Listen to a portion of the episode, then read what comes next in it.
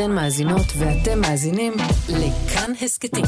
כאן הסכתים, הפודקאסטים של תאגיד השידור הישראלי.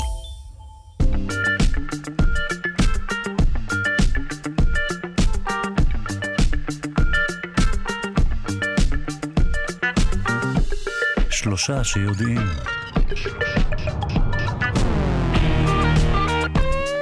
חמש דקות לאחר השעה שבע אנחנו פותחים את בוקר יום שלישי ה-25 ביולי. כאן מאזיני ומאזינות כאן תרבות. אנחנו כאן, שלושה שיודעים, תוכנית המדע והידע של ישראל. אני עמיתי פוקמן, איתכם הבוקר, בזמן ששרון קנטור יצא לחופשה קצרה. נדבר היום על רתיחה. כן, מצב שבו גם ככה כולנו נמצאים בו, אבל אנחנו, כדי לצנן את האווירה, נדבר דווקא על מים. נקודת הרתיחה של המים, או בכלל, של כל מיני נוזלים אחרים. נדבר גם על מזון מנחם, אותם חטיפים, שוקולדים, מלוכים, שאנחנו מגניבים ככה כשאנחנו במתח ולא מאוזנים. וגם נדבר על קוצב לב. כן, גם קוצב לב יהיה על שולחננו הבוקר. נשאל מטבע האירועים בימים האחרונים, איך עובד קוצב לב? מה זה קוצב לב? למה צריך אותו? וגם נתכונן לקראת תשעה באב בפינות השונות בתוכנית, ועל ירידה בכמות החרקים בעקבות זיהום האוויר, ופינת הארכיאולוגיה, ועוד ועוד ועוד, ככל שיתיר לנו הזמן. נגיד תודה לכל העוסקים במלאכה כבר בפתח התוכנית. אלכס לויקר ערכה, טל ניסן ולי צדוק בהפקה, דימה קרנצוב שחזר אלינו, הוא על הביצוע הטכני.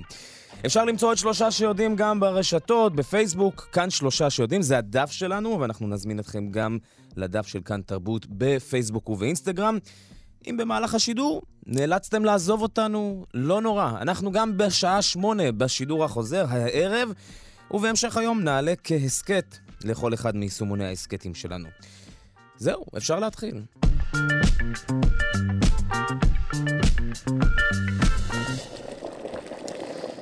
את הבוקר הזה אנחנו פותחים כבכל בוקר באולפן אה, שלושה שיודעים בדוידסון, במכון דוידסון, נגיד בוקר טוב לדוקטור אבי סייג. בוקר טוב, אמיתי.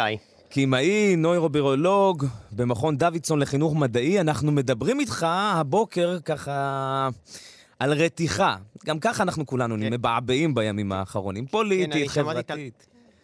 כן, שמעתי את הליינאפ של התוכנית, אמרתי, האורחים שלכם עשו עבודה נאמנה. נכון. לא לדבר על המצב, נכון. ולדבר על המצב. ממש, כל הכבוד, חטא חטא.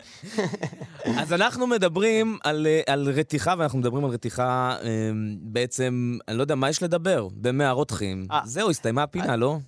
אז זהו, אז זהו, אני רוצה אה, להגיד לך ולצופים, כאילו זה נושא שכל כך טריוויאלי, גם כל אחד נתקל בו בחיי היום-יום. אני אומר, אני, אני מקווה שאני אצליח להפתיע אתכם ואותך ואת הצופ... המאזינים, ש... ש... שהנושא לא סגור אצלכם בראש. אני אתחיל בשאלה פשוטה שכל אחד שלמד בבית ספר לא חושב שהוא יודע את התשובה. באיזה טמפרטורה מים הופכים לגז? 100. 100, 100 מעלות היא, אה, צלזיוס. ב... זו התשובה המלאה. ברור. זה, ברור שזה לא נכון, תוך שנייה אני מוכיח שזה לא נכון. כן, אם זה היה נכון, אז כביסה שהיית תולה על חבל בחיים לא הייתה מתייבשת, כי היא לא מגיעה ל-100 מעלות, והיית עושה ספונג'ה בבית. נכון, נכון. בחיים, בחיים לא הייתה מתייבשת, אז התשובה היא לא 100 מעלות, אז מה מלמדים אותנו 100 מעלות? אז מה קורה? מה, מה בדיוק? אז מה זה המאה מעלות הזה? מה זה המספר הזה שאנחנו ככה מדקלמים? אז, אז, אז, אז לפני המאה מעלות אני רוצה להתחיל מה, מה קורה קודם. זאת אומרת, מה אם... תשובה לשאלה שלי. זאת אומרת, מה התשובה הנכונה? התשובה, מה אם הופכים לגז בכל טמפרטורה?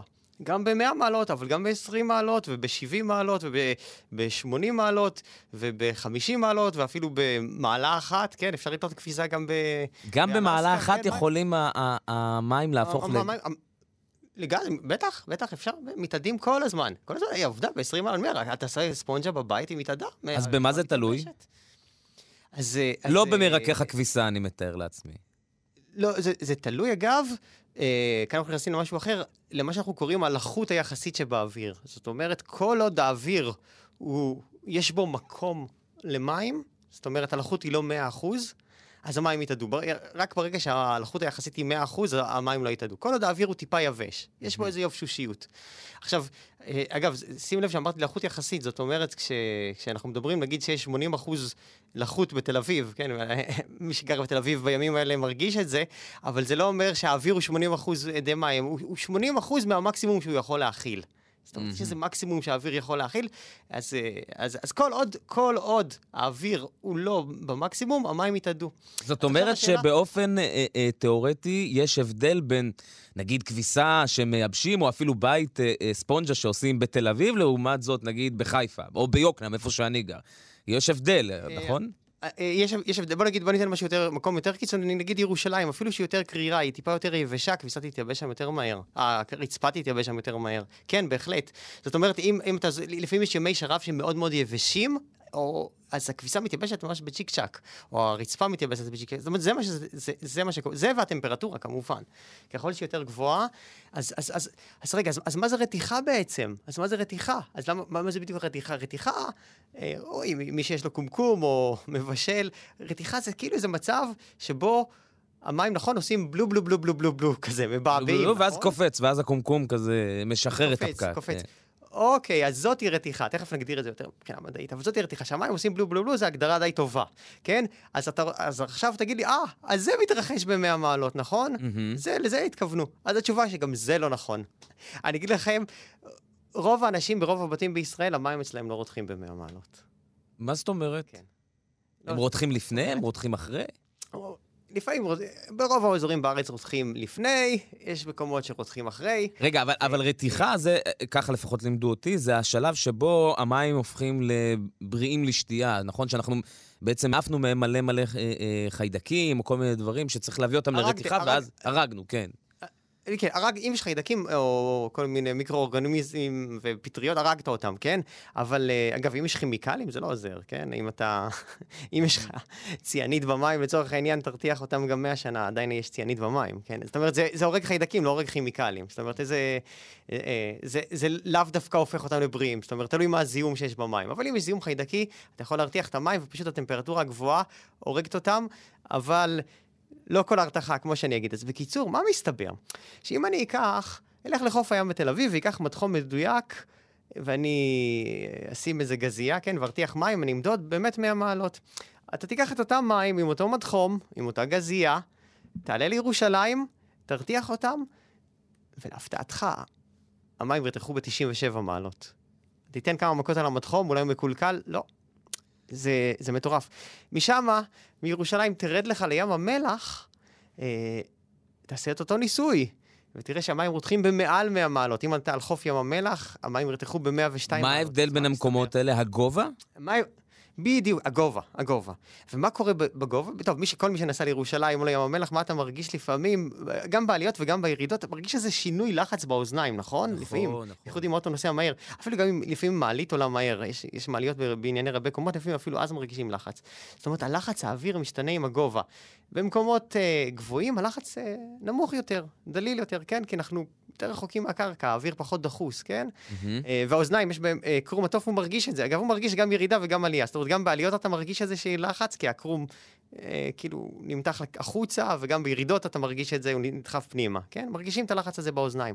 עכשיו, הלחץ הזה, הוא, הוא בעצם מה שקובע באיזה טמפרטורה המים אה, ירתחו. למה הכוונה? הרי מה אמרתי? אמרתי מים מתאדים בכל טמפרטורה. אז זאת אומרת, אם תיקח בקבוק מים, כן? אה, תמלא אותו, בקבוק זכוכית, כן? תמלא אותו עד החצי שלו במים, ותשאב את האוויר מעליו, ותכניס מד לחץ. אתה תראה, התחלת נגיד מוואקום, כן? אז היה כן. לחץ היה אפס, ולאט לאט הוא מתחיל לעלות, לעלות, לעלות, לעלות. למה? כי המים מתאדים, כמו שאמרתי. בשלב מסוים הוא יעצור. וזה מה שנקרא לחץ אדי המים. זאת אומרת, לכל נוזל, לא רק מים, לכל נוזל יש מה שנקרא לחץ אדים. זאת אומרת, זה הלחץ שבו... ה- הלחץ שנוצר בגלל העדים שמתאדים ממנו, אבל הוא אופייני לכל טמפרטורה. אבל עכשיו, הוא- יש לא הבדל בין בין נוזל לנוזל? האם... בטח, בטח, בטח, בטח. דוגמה. אלכוהול אה, אה, יתאדה... ב- היא- היא- זאת אומרת, הלחץ שלו יותר גבוה. כן. זאת אומרת, הלחץ שלו יותר גבוה, מתאד- הוא- הוא שם- והוא רותח ב-78 מעלות. אז עכשיו, ככל שאתה תתחיל לחמם את הבקבוק, הלחץ יעלה ויעלה ויעלה ויעלה ויעלה. כן, אם הבקבוק בסוף, בסוף, אם הבקבוק סגור, כן, הוא יתפוצץ בסוף, כן, מרוב הלחץ, כן. אז... אה, אז מה זה בעצם רתיחה? רתיחה הרי זה הבלו בלו בלו בלו הזה, אני חוזר לבלו בלו בלו בלו הזה, אז מה ההבדל?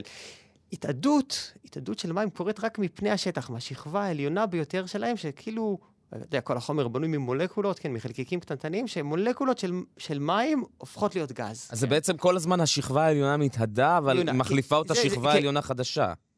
כן, כן, ואז מתאדה ומתאדה עד שמתאדה המים. עכשיו, ב- ברתיחה, ההתאדות הזאת היא לא מתרחשת רק מהשכבה העליונה, היא מתרחשת מכל הנפח של המים. בגלל זה אתה רואה בועות בתוך, ה... Mm. בועות בתוך המים. גם מלמטה, כשעושים את הספגטי, אז זה כבר מתחיל מלמטה, כן. הבועות. כן, אז מאיפה, מאיפה הגיע הגז למטה? איזה גז? זה בעצם גז של אדי מים. אז עכשיו, אם הלחץ החיצוני הוא חזק, אז הוא מונע מהבועות האלה להתנפח. הוא מונע מהבועות האלה, ואז המים לא רותחים. אבל אם אני מחמם ומחמם ומחמם ומחמם, הלחץ של המים, של אדי המים, מתחזק ומתחזק ומתחזק ומתחזק, עד שזה מגיע למה שנקרא נקודת רתיחה, ואז הם מצליחים לנפח בועות אפילו בתוך המים, ואז אתה רואה את הבלו בלו בלו הזה. עכשיו, בתל אביב, בגובה פני הים, לא סתם אמרתי תל אביב, כי זה גובה פני הים, זה הלחץ באטמוספירה, ואז המים באמת רותחים ב-100 מעלות. כי זה אז לחץ העדים של המים שווה בדיוק לאטמוספירה, מצליחים לנפח בועות. בירושלים יש לחץ יותר נמוך, אז מספיק 97 מעלות כדי שהם ירתחו. לא צריך לחמם אותם עוד. רגע, אני רוצה לשאול המלח- אותך, ל- ל- רק לסיום, כן, אבי, כן, אם כן. אתה... הרתחה חוזרת, זה גם איזושהי פעולה שאנחנו למדנו לעשות. הרי אמרו לנו אה, לא להרתיח עוד פעם, או שכן להרתיח עוד פעם. מה, זה, יש משמעות לפעולה של להביא מים לרתיחה ואז שוב לרתיחה? תראה, יש כאלה שאומרים, תחליף את המים בקומקום כל פעם. תראה, יש איזה שבריר של אמת, אבל בימינו כבר זה לא נכון. זאת אומרת, אה, רוב הקומקומים עשויים ממתכת, כן? ולפעמים טיפ, טיפ, טיפה, אה, פעם זה היה אה, גוף חימום ממש חשוף בתוך המים. אם, אם, היום יש גוף חימום שאתה לא רואה אותו, זאת אומרת, אה, אבל פעם ממש היה את, כמו מזלג חשמלי, מי שזוכר, אה, נכון, בשנים נכון. עברו. ממש ראו את הגוף חימום בתוך המים. אז טיפ-טיפה מהמתכת הייתה עוברת לתוך המים. עכשיו אתה מרתיח עוד פעם, אתה מכניס עוד טיפה מתכות, אז עדיף היה לא להרתיח פעמיים. היום, מזמן כבר פתרו את זה, זאת אומרת, אסור לשווק יותר קומקומים עם גוף חימום חשוף, זה לא נורא. אתה יכול להרתיח פעמיים, אין בעיה. זאת אומרת, אה, זה חסר משמעות.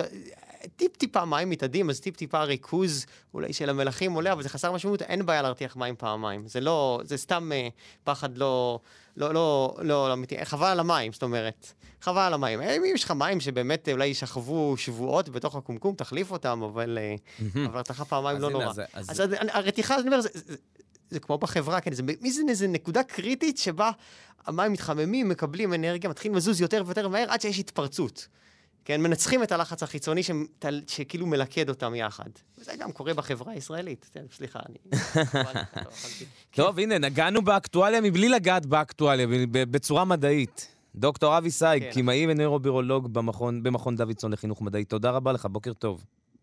בוקר טוב.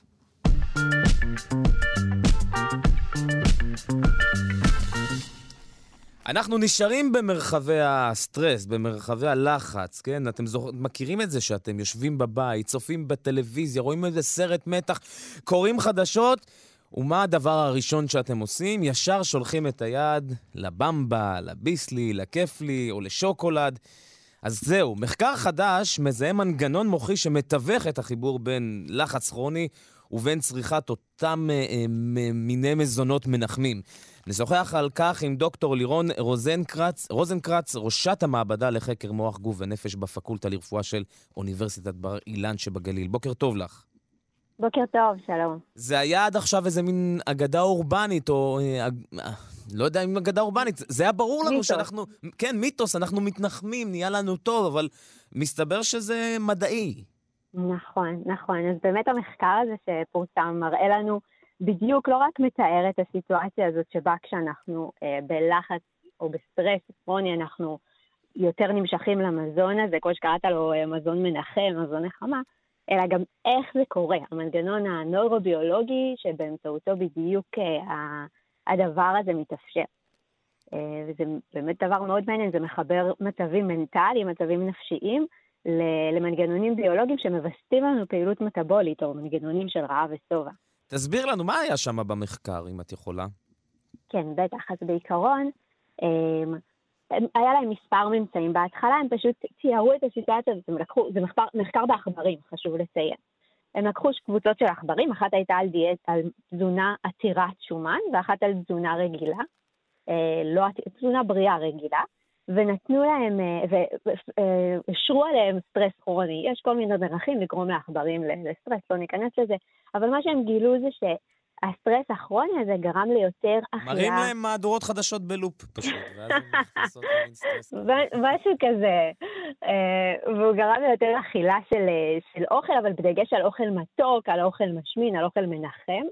אה, אבל זה קרה רק בעכברים שהיו מראש על תזונה עתירת שומן.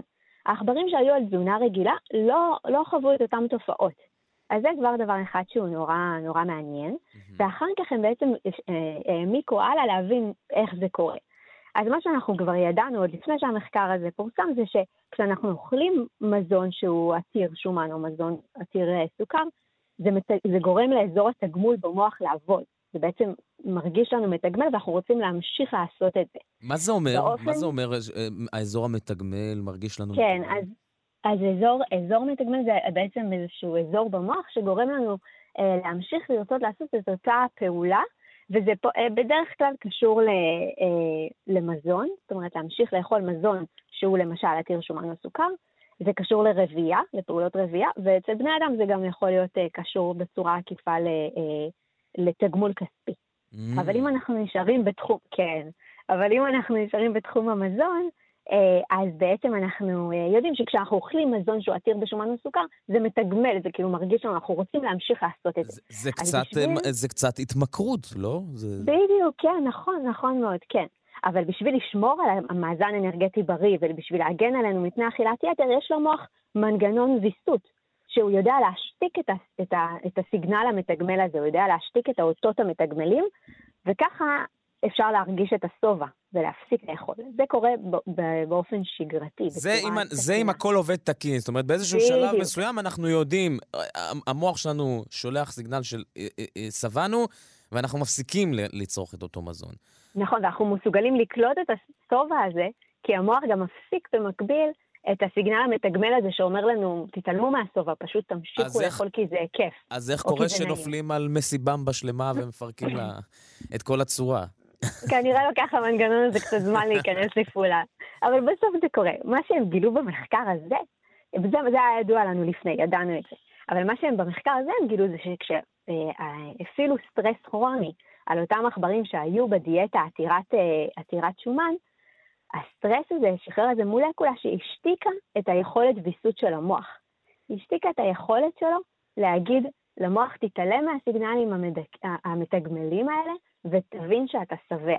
אז בעצם, מה שקרה פה זה קצת מורכב, כי זה אה, כמה שלבים, אבל בעצם מה שקרה פה זה שהלחץ הכרוני שחרר איזושהי מולקולה שדיכאה את היכולת שלנו לווסת את ה... כמה שהאוכל המתג... השומני והסוכרי מתגמל אותנו, והעכברים האלה המשיכו אה, אה, לצרוך את המזון בלי להבין שהם שבעים. זה שיבש את היכולת שלנו, את היכולת לא שלנו, של העכברים, להבין אה, אה, בעצם ש, שהם הגיעו לאיזשהו רמה של שובע, ולמעשה הם המשיכו לצרוך אה, ולתעדף אוכל שהוא עתיר מסוכר. אבל הם הראו איזה שהם סממנים שלפחות הם רגועים יותר, או שזה לא בהכרח משפיע, זה רק משבש את, ה, את מנגנון השובע, ואז הם משמינים פשוט לאט-לאט. אז זו שאלה מעולה. למעשה, ממה, ש, ממה שראיתי אה, אה, ככה באחד הניסויים שהם עשו, הם התרכזו במנגנון עצמו, פחות בדברים ההתנהגותיים, אבל ממה שראיתי הם דווקא הראו התנהגויות יותר של אה, חרדה. אה, כי טוב, הם היו בסטרס, אז, אז קשה היה להגיד. אתה שואל האם לאכול יותר הרגיע אותם יותר? אני לא... זאת אומרת לא שבכלל יודע. המוצרי מזון האלה שאנחנו מייחסים להם איזה, אני יודע, איזה מגיה כזאת, איזה כוח עילאי שהם ירגיעו אותנו, הם לא בהכרח אפילו עושים את זה.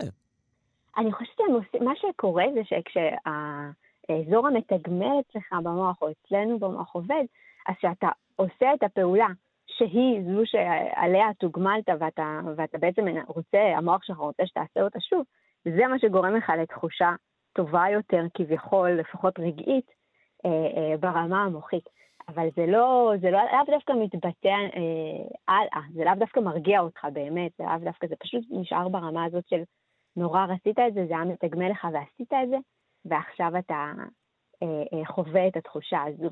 יש לנו אה, יכולת אה, להסית או, או לשבש, או אפילו, אני אומר מילים אה, אה, קצת גרנדיוזיות, אבל בעצם לרמות את המוח, לא יודע, להתחיל עם איזשהו מזון אה, אה עתיר שומן, ואז לעבור לתפוח ול, ולגזר או דברים כאלה, ואז... זו שאלה מעולה, כן. ואז בעצם בעצם לקבל את אותו אפקט, אבל מאוכל בריא. כן, אז בעצם יש פה כמה רמזים לזה שיכול להיות שאנחנו יכולים, קודם כל עוד לא הראו שזה אותו דבר קורה בבני אדם. אז חשוב לציין את זה, חשוב להדגיש, אה, למרות שהכותבים של המאמר אומרים שהמולקולה הזאת שעליה דיברנו, שמשתחררת בסטרס הכרוני, קיימת ושמורה לאורך חיי היונקים וקיימת גם בבני אדם, עדיין לא הראינו את אותו הדבר בבני אדם. אבל בוא נניח שמשהו דומה קורה, כי אנחנו, כי יש את התופעה ההתנהגותית, אנחנו חווים את זה גם. Mm-hmm. ראינו, בהתחלה אמרתי שהעכברים, היו שתי קבוצות של עכברים, כאלה שהם על דיאטה עתירת שומן וכאלה שעל דיאטה הכוונה תזונה. על תזונה עתירת שומן ועל תזונה רגילה. הסטרס הכרוני גרם לאכילת יתר של אוכל מנחם כביכול, או מתוק ושמן, רק באלה שהיו מראש על דיאטה עתירת שומן. כלומר, אם אנחנו שומרים על אה, תזונה בריאה יחסית, או נגיד אם אנחנו בסופר ואומרים בואו נקנה איזה נשנוש אה, מול הטלוויזיה והולכים על, כמו שאתה אומר, על אה, גזר או תפוח במקום משהו שמן או מתוק יותר, יכול להיות שמראש נמנע מעצמנו את, ה, את ההשפעה הזאת של הסטרס הכרוני עלינו. אגב, יש גם אנשים כאלה שאנחנו כולנו מקנאים בהם כמובן, שאצלם הפוך, שהם בכלל, כשהם בסטרס הם נמנעים ממזון. אה, אנשים שעכשיו אני, אני מאוד מקלל אותם בלב שלי, כי יש להם יכולת שהייתי מאוד רוצה אותה. מה, מה, איך אצלם זה עובד, המערכת הזאת, או שזה לא משהו שנבדק בספציפי? זה לא, זה לא נבדק, האמת שזה לא, וזה גם מעניין, כי באמת זה נכון, אנשים ממש נחלקים לשניים בהקשר הזה. אני חייבת להגיד שאני מה, מהסוג הזה ש, ש, שלא אוכל... וואי, איך אני מקנא בך עכשיו. זה לא תמיד כזה כיף, אבל אה, כן.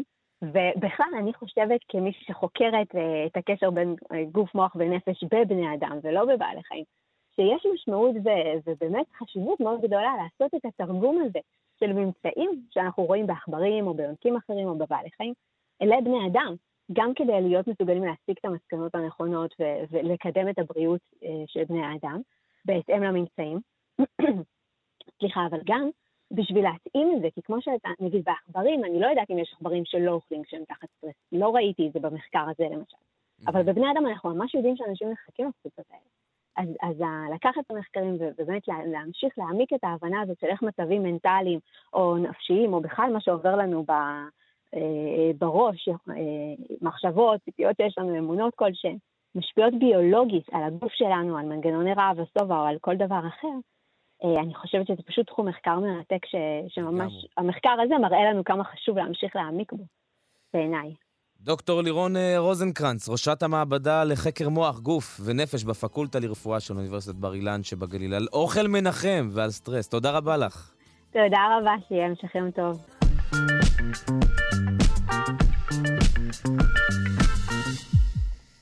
ראש הממשלה נתניהו עבר לפני כמה ימים הליך להשתלת קוצב לב. אנחנו רוצים קצת אה, לדבר על זה אחרי שהושתל לו הולטר. אז אנחנו רוצים לדבר על אותו, מהו קוצב לב, מה זה הולטר, מה זה הפרעה בקצב לב. כל המושגים האלה, נעשה לנו איזה מורה נבוכים. מי שיעשה את זה הוא דוקטור איציק ביטון, קרדיולוג מומחה לטיפול פולשני בהפרעות קצב וקוצבים בבית החולים הדסה עין כרם. בוקר טוב לך. בוקר טוב, אמיתי, מה שלומך? אני בטוב, בינתיים אני בטוב. בוא נראה איך אני מסיים את השיחה הזאת, עד כמה אני צריך עכשיו ללכת להשתיל לעצמי גם כן דברים. איך מגיעים בכלל למצב שצריך קוצב לב? מה הסיבוך שקורה, שמביא אותנו לדבר כזה? מה שקורה הוא בעצם שהלב שלנו הוא מערכת חשמלית מאוד מאוד משוכללת. יש לנו אה, אה, קוצב לב טבעי שהוא נקרא sinus node, ובגלל שלגוף שלנו יש הרבה גיבויים, מיני גיבויים אחרים, כמו קוצב משני שנקרא AV node, שמחובר לעוד אה, שלושה חוטי חשמל שכל אחד מהם הוא גיבוי, ואז כל תא שריר לב הוא גיבוי. ואם כל מערכת הגיבויים הזאת נפסקת, כלומר אין פעילות חשמלית בלב והלב לא פועם, אז לחץ הדם כמובן יורד ואנחנו יכולים להתעלף, ובמצבים האלה אנחנו משתילים קוצב לב. אנחנו יכולים לדעת באיזה שלב הלב שלנו עבר כבר לגיבוי הראשון או השני, או שזה משהו שקורה טבעית ואנחנו בכלל אין לנו מודעות עד שכל הגיבויים נופלים? אז בדרך כלל, אה, ברוב המקרים יכול להיות שלא לא יהיה לנו מושג, כי ברגע שהגיבוי נכנס, אז אה, בעצם אה, לחץ הדם נשמר והדופק ממשיך. מה שכן, הדופק יורד. כלומר, במקום דופק תקין שהוא בין 60 פעימות ל-100 פעימות בדקה, אני אומר את זה בהכללה גסה, כי יכול להיות קצת פחות, קצת יותר ועדיין זה תקין, אבל מ-40 אז זה סימן שה... עוד פעם, אם אתה יכול לחזור, דוקטור ביטון, נעלמת לנו לרגע? סליחה. אה, הדופק התקין שלנו הוא בין אה, 60 פעימות ל-100 פעימות בדקה בהכללה גסה. כן. אם הוא נמוך מ-40 פעימות, אז אנחנו כבר יודעים שמשהו לא בסדר, וזה בהנחה שלא מקבלים תרופות להאטת דופק. מה מוביל בכלל לבעיות האלו? אה, זה, זה, זה באמת התייבשות, אני, או זה, יש משהו אחר שקורה לנו בגוף שיכול להוביל לאותם נפילה של המערכות ושל הגיבויים? אז תראה, אז קודם כל בוא נעשה הפרדה, כי אתה מדבר על אה, מקרה מאוד מפורסם שקרה לפני מספר ימים. אז קודם כל, התייבשות כשלעצמה באמת באמת יכולה להוביל לעילפון, אה, דרך אפילו האטה בקצב הלב, אבל זה לא אומר שמשהו לא תקין. המצב הזה נקרא סינקופה, סינקופה בלועזית זה התעלפות, וזו-וגלית, כלומר שיש ירידה בלחץ הדם ובדופק.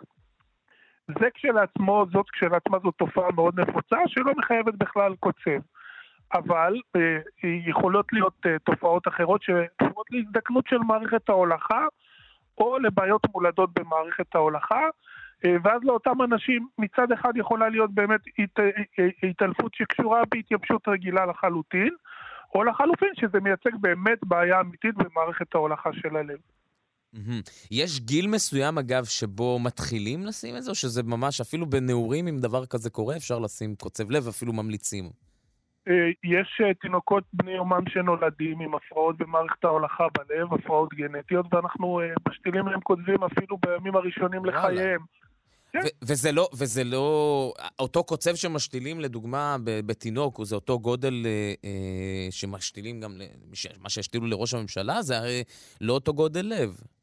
אז אה, קודם כל לראש הממשלה השתילו קוצב יחסית מיוחד, הוא קוצב אלחוטי שנקרא מיקרא, והוא נמצא בתוך הלב. רוב הקוצבים הם קוצבים שנכנסים דרך כלי הדם והם מעין חוטי חשמל אלקטרודות. אה, כמובן שיש גדלים שונים של קוצבים, כשאנחנו מדברים על הקוצב עצמו, זה, אה, זה המכשיר שנמצא מתחת לאור, או כמו אצל ראש הממשלה ממש בתוך הלב. אה, ואצל ילדים קטנים פשוט שמים את הקוצב בגלל הגודל הקטן שלהם באזור הבטן ולא באזור בית החזה. מחליפים אותו, אגב? זה משהו שדורש תחזוקה, או שזה משהו ש...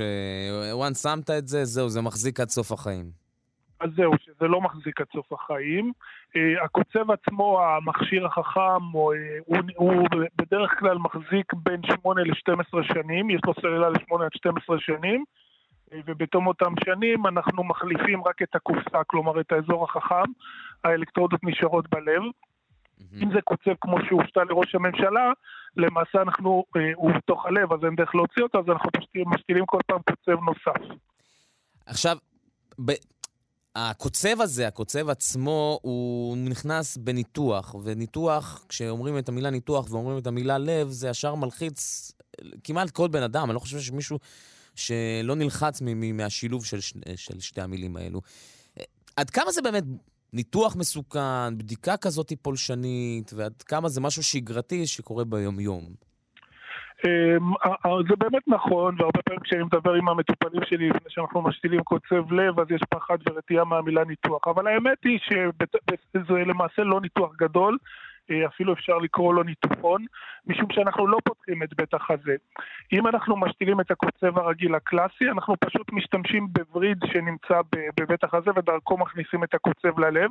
כלומר, אין פתיחה של בית החזה, רק אה, חתך קטן בעור.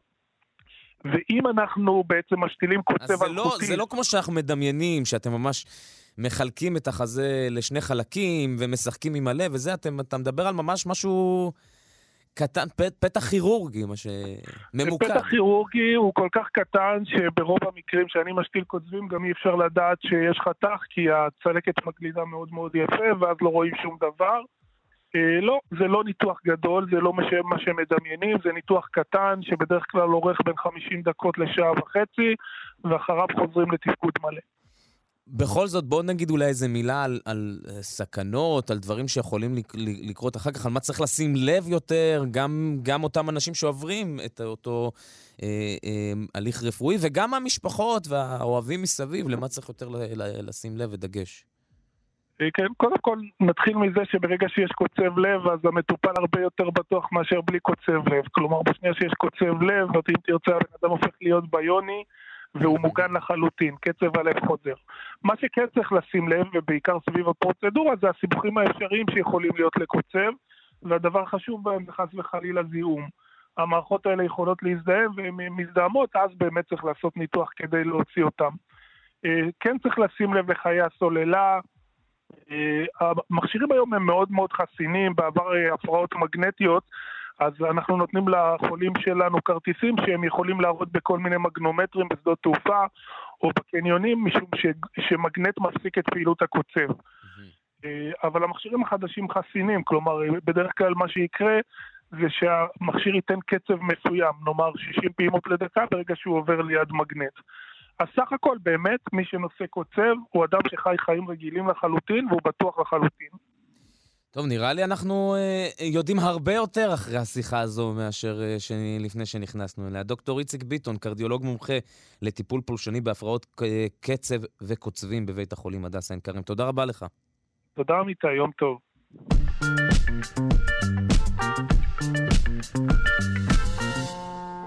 נעשה הפסקה רגע מהסטרס, מהקוצבים, מהחרדה, מהרתיחה. נדבר עכשיו על חלב. יותר ויותר מדינות בארצות הברית מאפשרות מכירה של חלב לא מפוסטר בשטחן.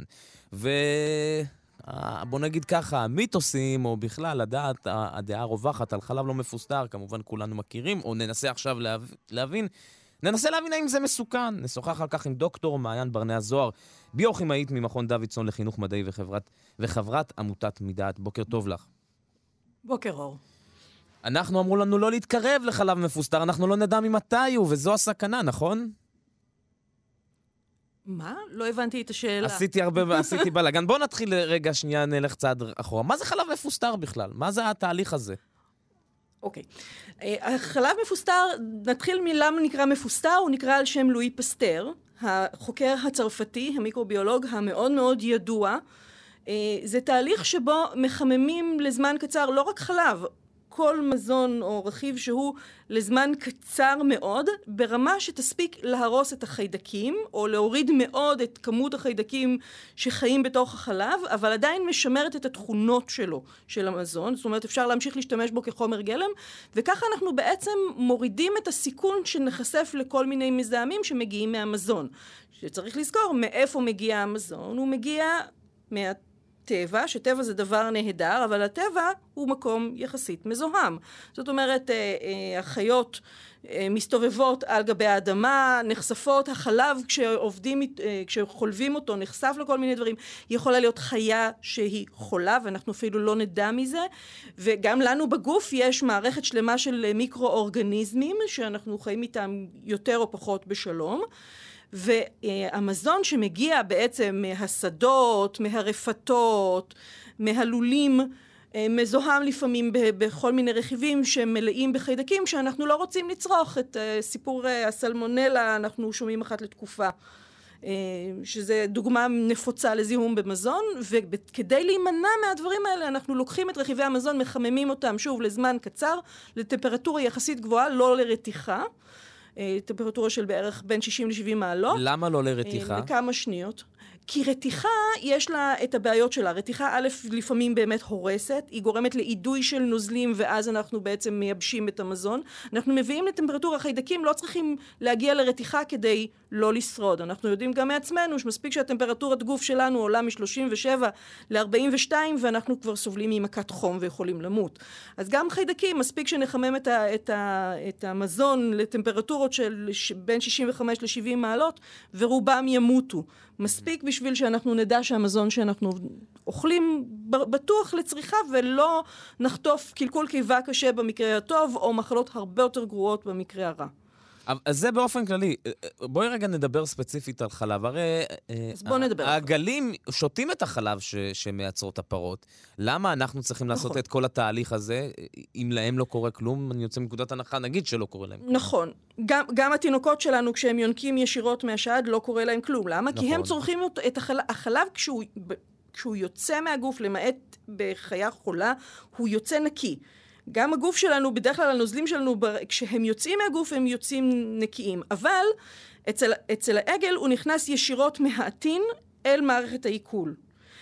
אנחנו, כשאנחנו רוצים לצרוך את החלב, אז החלב לא עובר ישירות מהעטין אל מערכת העיכול, אלא הוא עובר דרך העטין לאיזשהו כלי, שאנחנו לא תמיד יודעים מה רמת הניקיון שלו, עובר מערכת שלמה של הולכה, הובלה, לפעמים הוא יעבור, היום רוב החלב שאנחנו צורכים יעבור תהליך שנקרא המגון, שמערבב אותו בעצם היטב ככה שאנחנו לא רואים הפרדה של שומנים בחלב מהנוזלים, מהמים, וה...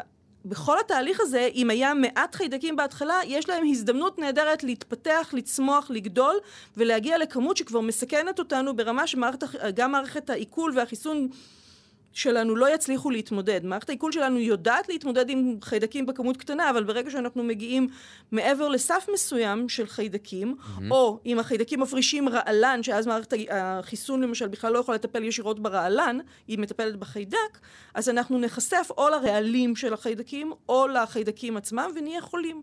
וזה באמת מה שאנחנו רואים שקורה עם חלב. אז עד עכשיו שכנעת אותי, עד עכשיו שכנעת אותי למה זה חשוב, למה זה טוב. והנה עוד נכון. מפרסם, מתפרסמת כתבה באתר Very Well Health, אה, אה, שבאמת מדווחת על איזושהי מגמה שמתרחשת בארצות הברית, שיותר ויותר מדינות מאפשרות ואני לא יודע אם הן מקדמות, אבל לפחות מאפשרות, ויותר אנשים הולכים וקונים חלב לא מפוסטר דווקא. אז בארצות הברית מסתבר שיש בשנים האחרונות אה, אופנה, טרנד, שאנשים, יש קבוצה של אנשים שמקדמים צריכה של חלב שאינו מפוסטר, בטענה שהפסטור פוגע בערכים התזונתיים של החלב ולא באמת מונע אה, בעיות.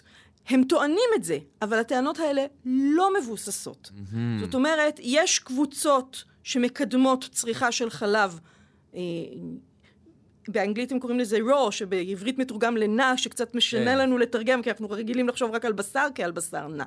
לא, אה, לא תהליך בישול, בוא נגיד. חלב שלא עבר פסטור, כן. ללא שום תהליך זה, כביכול כדי לשמר את הערכים התזונתיים, אבל למה כביכול? כי בפועל, כמו שאמרתי, החימום לזמן קצר לטמפרטורות מהסוג הזה לא פוגע בערכים התזונתיים של החלב, הוא רק ממגר את החיידקים. וכשנכנסים לאתר ה-CDC, אתר לבקרת מחלות האמריקאי, יש להם מחקר מ... אה, אה, שסוקר בין השנים 2013 ל-2018 התפצויות של תחלואה שקשורה לחלב, לפי סטייט שבהם מותר או אסור למכור חלב שאינו מפוסטר, ורואים שהמספרים במדינות שבהם הוא מותר הם הרבה הרבה יותר גבוהים. כי החשיפה היא באמת להרבה מאוד מזהמים, חלקם מזהמים מאוד מאוד לא נעימים, למשל חיידק שנקרא ברוצלה, בישראל יש אותו הרבה, גורם למחלה שנקראת מחלה, אה, אה, קדחת מלטה. אה, ככה הרבה מהאנשים מכירים אותה, היא מחלה מאוד לא נעימה, שקשה לזהות אותה, היום גם פחות, אם בעבר ידעו יותר לזהות, היום כמובן בגלל שאנחנו לא נחשפים, כי אנחנו תמיד צורכים חלב שאינו, שמפוסטר, כי אנחנו הולכים וקונים במכולת, אז כשכבר מגיע בן אדם עם, עם המחלה, לוקח זמן עד שמזהים אותה ועד שמטפלים בה, והיא מחלה שיכולה להימשך הרבה מאוד זמן ולגרום לנזקים מאוד קשים לאנשים. בישראל, אגב, פקודת בריאות העם אה, מטפלת בעניין של מוצרי חלב כבר החל מלפני קום המדינה, פקודת בריאות העם היא בעצם mm. הפקודה של החקיקה שנחקקה פה עוד בתקופת המנדט. ירושה מהבריטים. בשנות, בשנות ה-40 של המאה הקודמת. אה, אחת הגרסאות האחרונות שקשורות לחלב שמצאתי היא מ-1958.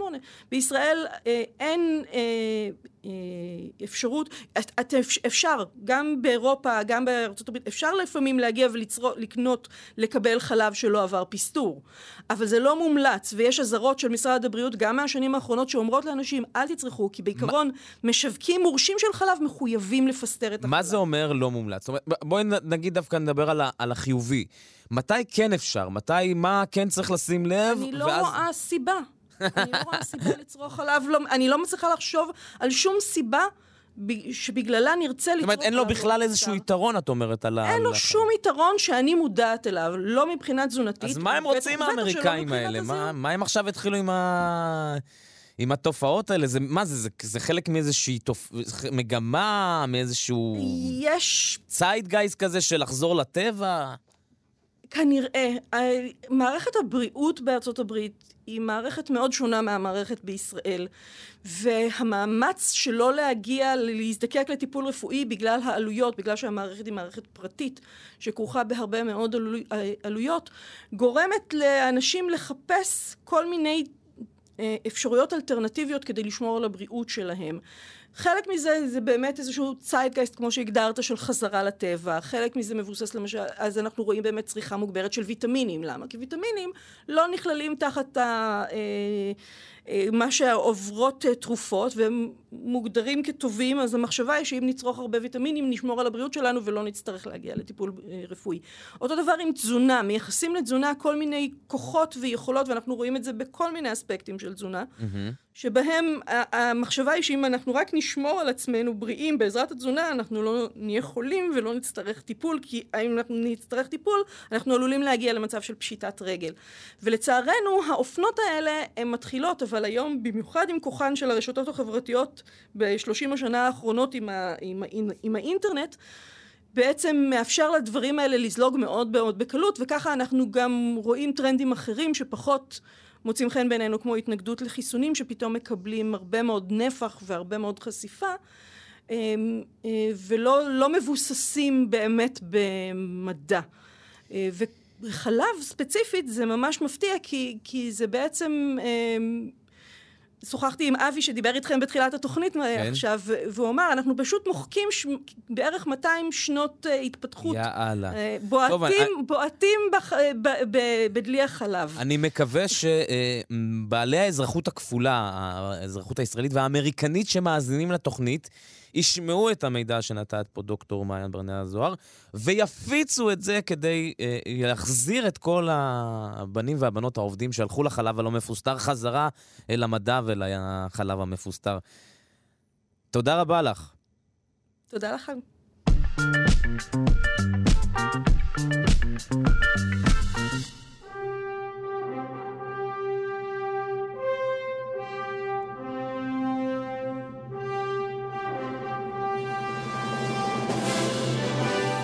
פינת גיבורי על כעת, אבנר מירב, פרשננו לענייני גיבורי על ואמן אה, מצחק, בוקר טוב לך. בוקר טוב, אמיתי. אנחנו מתחילים את ההכנות שלנו לקראת uh, תשעה באב, שמחר בערב בעצם ייכנס אלינו ויהיה uh, במלואו ביום חמישי, ואנחנו נדבר היום על חורבן בעולמות הקומיקס. כן, אז uh, יש בהחלט uh, המון, המון, זה תמה שחוזרת הרבה מאוד, הנושא הזה של, uh, של חורבן, של הרס, uh, לרוב מלווה בבנייה מחדש. Uh, הדוגמה, אני חושב, הכי uh, קדומה בעולם הקומיקס וגם הכי. בין המוכרות זה סיפור המקור של סופרמן. Uh, סופרמן כבר בשנת 1938 יצא לדפוס, ובעצם הוא גיבור העל הראשון בעידן שלנו, והוא נולד, תרתי משמע, בכוכב קריפטון, ובעצם הגיע לכדור הארץ כאשר הכוכב הזה הושמד. הכוכב עמד בפני חורבן.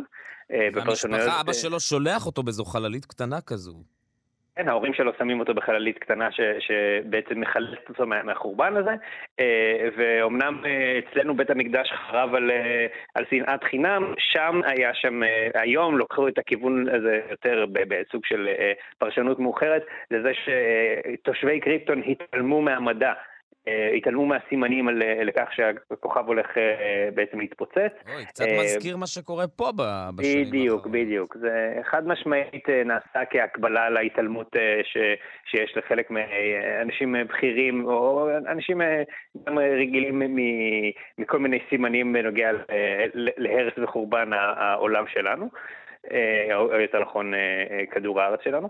אה, כן, והנושא הזה של חורבן, שחורבן מוליד סיפור חדש, זה משהו שחוזר על עצמו המון המון בתרבות אה, גיבורי העל, אם אה, במשהו גדול במדים, כמו שדיברנו עכשיו על חורבן של קריפטון, או במשהו קטן, כמו למשל בסיפור המקור גם של בטמן וגם של ספיידרמן, בשני המקרים הם מאבדים, בטמן ראה את הוריו נורים בפניו בסמטה אפלה, וזה מה שגרם בעצם לברוס ויין הצעיר להחליט לנקום ולהפוך להיות גיבור על, ובאותו אותו אה, בצורה די דומה, ספיידרמן, אה, אחרי שקיבל את הכוחות שלו והחליט אה, בעצם שהוא הולך להשתמש בהם כדי להתפרנס ולהצליח, חווה אובדן, והדוד האהוב שלו נהרג גם הוא על ידי פושע, והחורבן הפרטי האישי שלו גורם לו להבין את המשפט האלמותי, שעם כוח גדול בא אחריות גדולה, וזה בעצם מה שמייצר את, ה, את האופי שלו כגיבור, כלוחם צדק, כבן אדם שיפעל וישתמש בכוח שלו אה, לטובה. אבל זה מה שאנחנו רואים על דמות או על כוכב לכת, אבל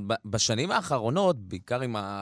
הכניסה של, ה, של האולפנים הגדולים, אנחנו ממש רואים הקרסה או, או, או חורבן של יקום שלם, ואז יצירת יקום חדש, ומין כזה מעגל כזה. מרוויל, כן. DC.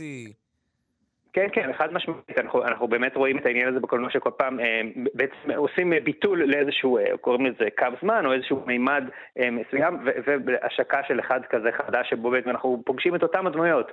אנחנו שוב סופרמן ושוב בטמן ושוב ספיידרמן, אבל באיזושהי אה, מציאות אחרת. אגב, גם בקומיקס אנחנו ראינו את, את העניין הזה, ושוב, כסוג של אה, אה, התחלה מחדש. יש אחד האירועים הכי מפורסמים אה, בקומיקס בעולמו של, של DC קומיקס, של סופרמן ובטמן, אה, נקרא Crisis on Infinite Earth, משבר באינספור, אה, או באינסוף כדורי ארץ. אה, שבו בעצם כיוון שאחרי עשרות שנים של קומיקס נוצרו כל כך הרבה פיתולים וש... ושינויים בעלילות של הגיבורים השונים, אמרו אוקיי, אנחנו צריכים לייצר משהו שבעצם מאפס את הכל, ובעצם אומרים אוקיי, יש אינסוף כדורי ארץ, בו יש אינסוף גרסאות של כל גיבור, עכשיו בגלל איזשהו מנוע עלילתי אנחנו הולכים למשוך את הגרסה הכי מוצלחת מכל אחד מהיקומים האלה, הם ביחד נלחמים באיום משותף, ובסוף הסיפור הזה, אה, מה שקרה, זה קרה, אם אני זוכר נכון, בסוף שנות ה-80. אה, בסוף הסיפור הזה, הגרסה המוצלחת ביותר של כל הגיבורים נשאר בכדור ארץ אחד, וכל השאר נחרבים ומושמדים. אה, וזה בעצם משהו שאנחנו לדעתי נראה בקרוב גם, ב, גם במארוול קומיקס אנחנו יודעים שהסרט דדפול, שהוא כל כך אה, אהוב ופופולרי, שעכשיו עבר בעצם, הזכויות לדמות עברו מאולפני פוקס לאולפני דיסני, וצריכים איכשהו להסביר את העניין הזה שפתאום דדפול הולך להופיע אה, באותו יקום שבו יש הרבה גיבורים אחרים שמכירים, כמו קפטן אמריקה ואיירון מן אה, וקפטן מרוויל וכולי, אה, ואומרים, אחת התיאוריות אומרת שבסרט של דדפול אנחנו נראה בעצם את דדפול בעצמו מחריב את היקום הישן, מה שנקרא אה, פוקסמן יוניברס, היקום שהיה ב, של מארוול בבעלות אה, אולפני פוקס, שדיסני רכשו, והולכים לעשות את זה בקטע מטה כזה של אוקיי, דיסני רכשו את האולפנים האלה, כל היקום הזה מושמד, אבל הנה, השורד היחיד הוא זה שבפועל יחריב את היקום הזה בסרט. מעניין לראות אם זה הכיוון שיקרו, כי זה נשמע מאוד משעשע. כן, וגם, וגם אולי הקומיקס, לא הקומיקס, הרומן הגרפי הגדול ביותר בכל הזמנים, גם הוא משתמשים בו, השומרים, גם הוא משתמשים בו כחורבן כקטליזטור כדי לאחד מחדש את כדור הארץ, זאת אומרת... אה, כן, אה, נכון מאוד. בדיוק הוכרז, אגב, בדיוק הוכרז, בגלל זה נמנעתי דווקא לספר על זה, ונמנעתי מלספר על זה כיוון שהוכרז סרט האנימציה שיוצא בשנה הבאה, אה, שאני מניח ינגיש את הסיפור מחדש לכל מיני אנשים שלא מכירים אותו. חד משמעית, וואטשמן, השומרים של אלן מור, נחשב בקונצנזוס כסיפור גיבורי העל הטוב ביותר שנכתב אי פעם, ובאמת יש, יש פה אלמנט, יש בו אלמנט של, של שימוש בחורבן כדי לאחד אה, טוב, לא נספר, לא עשינו ספוילר, רק כן. משתמשים בחורבן, לא אמרנו איך. כן. מי שלא עשה, נכון. לכו לקרוא, לכו לראות את הסרט ואחר כך את הסדרה. כן. אבנר מירב. או חכו לשנה הבאה, נכון. או חכו לשנה הבאה ויש סרט אנימציה שהולך להיות מאוד נאמן למקור לפי דיווחים, אז מעניין לראות מה יעשו. אבנר מירב, פרשננו לענייני גיבורי על ואמן אה, מצחק. פינת גיבורי על מיוחדת לקראת תשעה באב. תודה רבה לך. תודה לכם.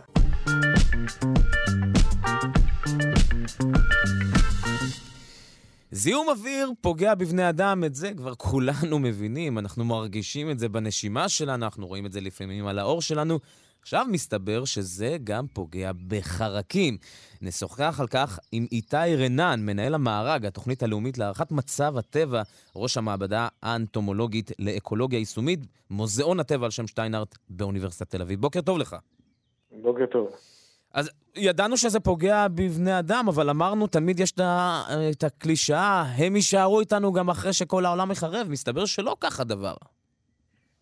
הם אה, חלקם יישארו ודאי, כיוון שיש כל כך הרבה מהם, אז כמה יישארו, ואנחנו עכשיו מגלים, או הסתבר שיש גורם נוסף שלא היינו מודעים אליו, שיש לו כנראה השפעה רצינית מאוד על היכולת של הרבה מהחרקים להבין מה קורה סביבם. איך זה קורה? מה שמציע מחקר חדש שהתפרסם לאחרונה, זה שחלקיקים זעירים שמקורם בזיהום אוויר, בעיקר ממקורות של אה, זיהום אוויר שהאדם עושה, אה, מתיישבים, אותם חלקיקים זעירים מתיישבים על המחושים של החרקים, ובעצם מונעים מהם להבין מה קורה סביבם ברמת החוש הריח, או ברמת החוש הכימי. אבל אנחנו, בני אדם, נגיד, אנחנו אומרים זיהום אוויר, נכנס לנו לריאות, אין לנו שליטה, אין לנו באמת דרך לסנן, אולי בעצם להסתובב עם מסכה כזאת, כמו שהסתובבנו בקורונה. אבל הם, החרקים, מה, הם יכולים להזיז פשוט את ההפרעה הזאת על, על המחושים האלה, או שהם בכלל לא מודעים לה, למחושים הקיימים? ללכלוך על המחושים? אז מסתבר אה, שהם לא מצליחים להזיז, זה מדובר על חלקיקים כל כך זהירים שיושבים על המחושים שלהם. אה, צריך לדמיין את המחושים, אנחנו חושבים אותם, מה שאנחנו מכירים בדרך כלל, או כשאנחנו חושבים על מחושים של חרקים, אנחנו חושבים על איזה חוט עדין, אבל כשאנחנו מסתכלים אה, באמצעות מיקרוסקופ, אנחנו יכולים לגלות שבעצם זה לא רק חוט, אלא יש שם זיפים, ויש שם שקעים ושקעוריות וחריצים, אה, וחלקיקים זעירים ממש, שאנחנו מדברים עליהם, שהם קוראים בזיהום, מתיישבים שם, ובעצם ממש יוצאים הפרדה מכנית בין אה, הבחוץ לבפנים. הבפנים שאני מדבר עליו זה בעצם אה, סנסורים או חיישנים שיושבים על אותם זיפים זעירים, אותם שקעים וחריצים. ואמורים להיות מסוגלים לקלוט מולקולות של ריח בחוץ. Mm-hmm. הם לא מסוגלים, אה, יכול להיות שהם לא מרגישים, וגם כן, הם לא מסוגלים ברובם, תמיד צריך להיזהר, אבל ברובם כנראה הם לא מצליחים להסיר אותם. על איזה חרקים אנחנו מדברים? המחקר עצמו עסק בייחוד בזבובי בית, אבל אחרי זה עשו בדיקה ואספו חרקים מאזורים שונים. והסתכלו במיקרוסקופ אלקטרוני סורק ומצאו כמות עצומה של חלקיקים שיושבים לחושים בכל קבוצות החרקים המעופפים, או כל אלה שנבדקו לפחות. ועכשיו בואו, דיברנו על החרקים, בואו נדבר רגע על הזיהום. מה זה הזיהום הזה? ממה הוא? זה אותו זיהום שאנחנו מבינים, כל הפליטות וכאלה? אז הזיהום אה, מקורו יכול להיות בייחוד בפליטות, ולעיתים גם בשריפות, זאת אומרת גם שריפות אה, טבעיות, אבל צריך לזכור שיכול בחלק מהאזורים השריפות הן לא טבעיות, ובייחוד שכמות השריפות, העוצמה שלהן, השטח שלהן הולך ומתעצם בעשורים האחרונים, ואנחנו יודעים שהוא כנראה הולך להתעצם עוד. זאת אומרת, מקורות הזיהום הולכים ומתרבים ורבים, וההשפעה על החרקים כנראה משמעותית. אני חושב שהסיפור הגדול של המחקר הזה שעכשיו מתפרסם, כן. זה שיש כאן אה, גורם נוסף שלא היינו מודעים אליו עד עכשיו, שיכול עוד קצת להסביר את הקריסה העצומה של החרקים שמתרחשת מסביבנו. יש כל מיני גורמים, וכאן אנחנו נחשפים לגורם נוסף, אה, נסתר מהעין, שלא היינו מודעים אליו, ויכול להיות שההשפעה שלו היא קריטית. מה זה אומר, מה זה קריסה של עולם החרקים? ממש זנים שלמים נמחקים, או שפשוט הכמויות יורדות? גם וגם. תסביר. אנחנו, אנחנו רואים גם, ויש עדויות שהולכות ומצטברות, בייחוד בחמש שנים האחרונות, על אה, ירידה עצומה בעשרות אחוזים בכמות החרקים שיש. ההדגמה היא פשוטה, אם אה, נזכר בנסיעת, אה, איך היינו נוסעים פעם בילדות שלנו ועל שמשת הרכב המתנפצים המוני חרקים. היום זה קורה פחות. יש, זה הדוגמה הכי פשוטה, אבל אנחנו מוצאים גם במחקרים שעובדים בשיטות שונות, מוצאים שפשוט יש פחות חרקים מסביב. וזה אומר שאיפה שיש פחות חרקים, יש פחות ציפורים, יש פחות זוחלים, יש פחות יונקים, כי הם נמצאים בבסיס של אה, כן, אה, מארג. מזהים את הקשר הזה מעבר לתיאוריה? זאת אומרת, מעבר לזה שברור שאם יש פחות, חלק מהמארג נעלם, אז גם האחרים, אבל האם גם באמת יש פחות ציפורים ופחות אה, בעלי חיים אחרים? כן, וגם יודעים לעשות את הקישור, אז התשובה היא כן, יודעים לעשות אפילו את הקישור הספציפי בין אה, ציפורים שניזונות מחרקים ובין אה, עטלפים שניזונים מחרקים להיעלמותם של חרקים, או להצטמצמות השפע של החרקים. מעבר לזה, רואים אה, אזורים שלמים שיש בהם פחות צמחים מאובקי חרקים, ויותר ויותר צמחים מאובקי רוח. זאת אומרת, ההשפעה של פחות חרקים היא משמעותית מאוד על המערכת האקולוגית. האם... ושוב, המאמר הזה מציג לנו כן. עוד פעם, עוד גורם שלא היינו מודעים אליו. זה, זאת הייתה השערה שהייתה קיימת, וזה בעצם הפעם הראשונה שהנה יש גם הוכחה שזה לא רק מזיק לבני אדם, הנה גם הזיהום הזה גם מזיק אפילו לחרקים. זה נותן, היו כל מיני מחקרים שהציגו את זה כרעיון, וכאן הם בדקו את זה מכל מיני כיוונים, הם אה, גם הסתכלו במיקרוסקופ, כמו שהזכרתי, וראו את החלקיקים, אבל גם הראו בפעם הראשונה, הוכיחו את הפגיעה.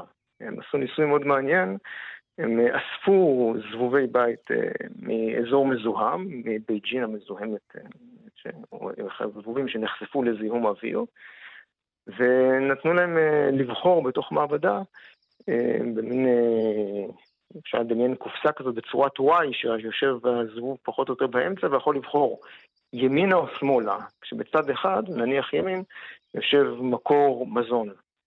וזבובים שגודלו במעבדה ולא נחשפו לזיהום, בחרו תמיד ללכת לזרוע הזאת, אל הכיוון הזה שבו יש את המזון. זאת אומרת שזבובים שנאספו מהשטח, שנחשפו לזיהום, בחרו פעם ככה ופעם ככה, פחות או יותר 50 אחוז, 50 אחוז, וכאן בעצם לראשונה הם הדגימו את הפגיעה ביכולת שלהם להריח. יש לי כל כך הרבה שאלות, אבל מפאת קוצר הזמן אני אסיים בשאלה אחרונה. האם אה, אה, יש אפשרות שדווקא בגלל, בשל התהליך הזה, שהוא בעצם מין ברירה, לא ברירה טבעית, כי אנחנו יוצרים, יוצרים את הנזק הזה, אבל כן בגלל המהלך הזה, אה, חלק מהחרקים יפתחו איזה שהם יכולות אה, שימוש ב... לא יודע, בחושים אחרים, יכולות אחרות, וישרדו בעצם חרקים עמידים גם לזיהום אוויר, או יותר עמידים מחרקים רגילים, ואז בעצם יצלחו את התהליך הזה. קשה מאוד uh, להגיד, באופן כללי חרקים uh, מתרבים כל כך מהר, ויכול להיות שבתנאים מסוימים יכולים אה, להתאים את עצמם, אבל זה הערכה שקשה מאוד אה, לדעת ולהבין. השאלה המרכזית היא, אם יצורים שנחשפים במידה משמעותית לזיהום כזה נפגעים בצורה קיצונית, זה אומר שהם מתרבים פחות טוב. זאת אומרת, אין להם מספיק, אה, אה, אורך החיים שלהם הוא לא מספיק ארוך כדי אה, כדי באמת לייצר את הברירה הטבעית הזאת, כדי לייצר את זה. קשה מאוד אה, להעריך או להבין, יש פה, המחקר הזה נותן לנו איזה רמז ראשון או כיוון ראשון, חושב שצריך אה, לבדוק ולהעמיק פה. אבל uh, מה שהוא מראה בעיקר זה שהם נפגעים, זאת אומרת שחיילים נפגעים. הם יוכלו להתאים את עצמם, קשה מאוד לדעת, אבל uh, קשה להאמין. בייחוד אנחנו רואים שהפגיעה היא משמעותית, כנראה משמעותית ורחבה, או לפחות חלק מפגיעה משמעותית ורחבה שכבר קיימת. איתי רנן, מנהל המארג, התוכנית הלאומית להערכת מצב הטבע, ראש המעבדה האנטומולוגית לאקולוגיה יישומית, מוזיאון הטבע על שם שטיינארט באוניברסיטת תל אביב. תודה רבה לך. תודה רבה.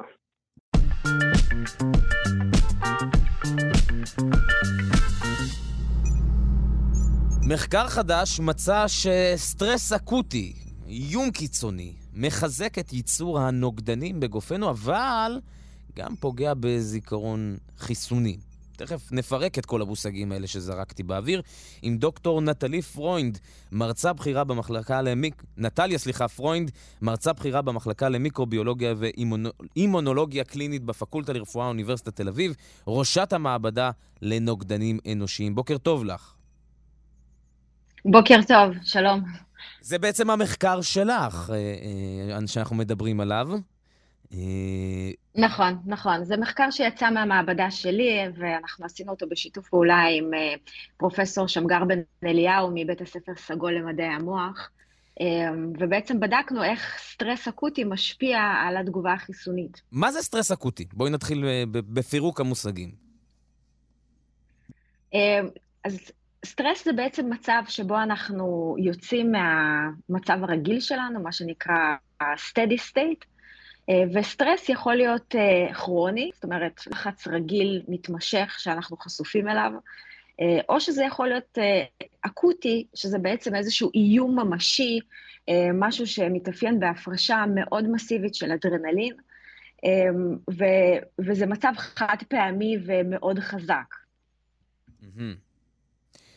עכשיו, זה, פירקנו מושג אחד, עכשיו בואי נדבר על, אה, אה, בעצם על החיסון עצמו. אנחנו מדברים על, על חיסונים שאנחנו מקבלים, נכון?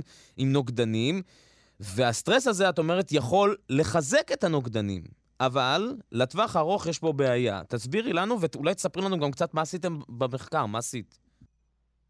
כן, אז, אה, אז אנחנו מעבדה שחוקרת אה, את מערכת החיסון, זאת אומרת, אנחנו חוקרים איך נוצרים נוגדנים.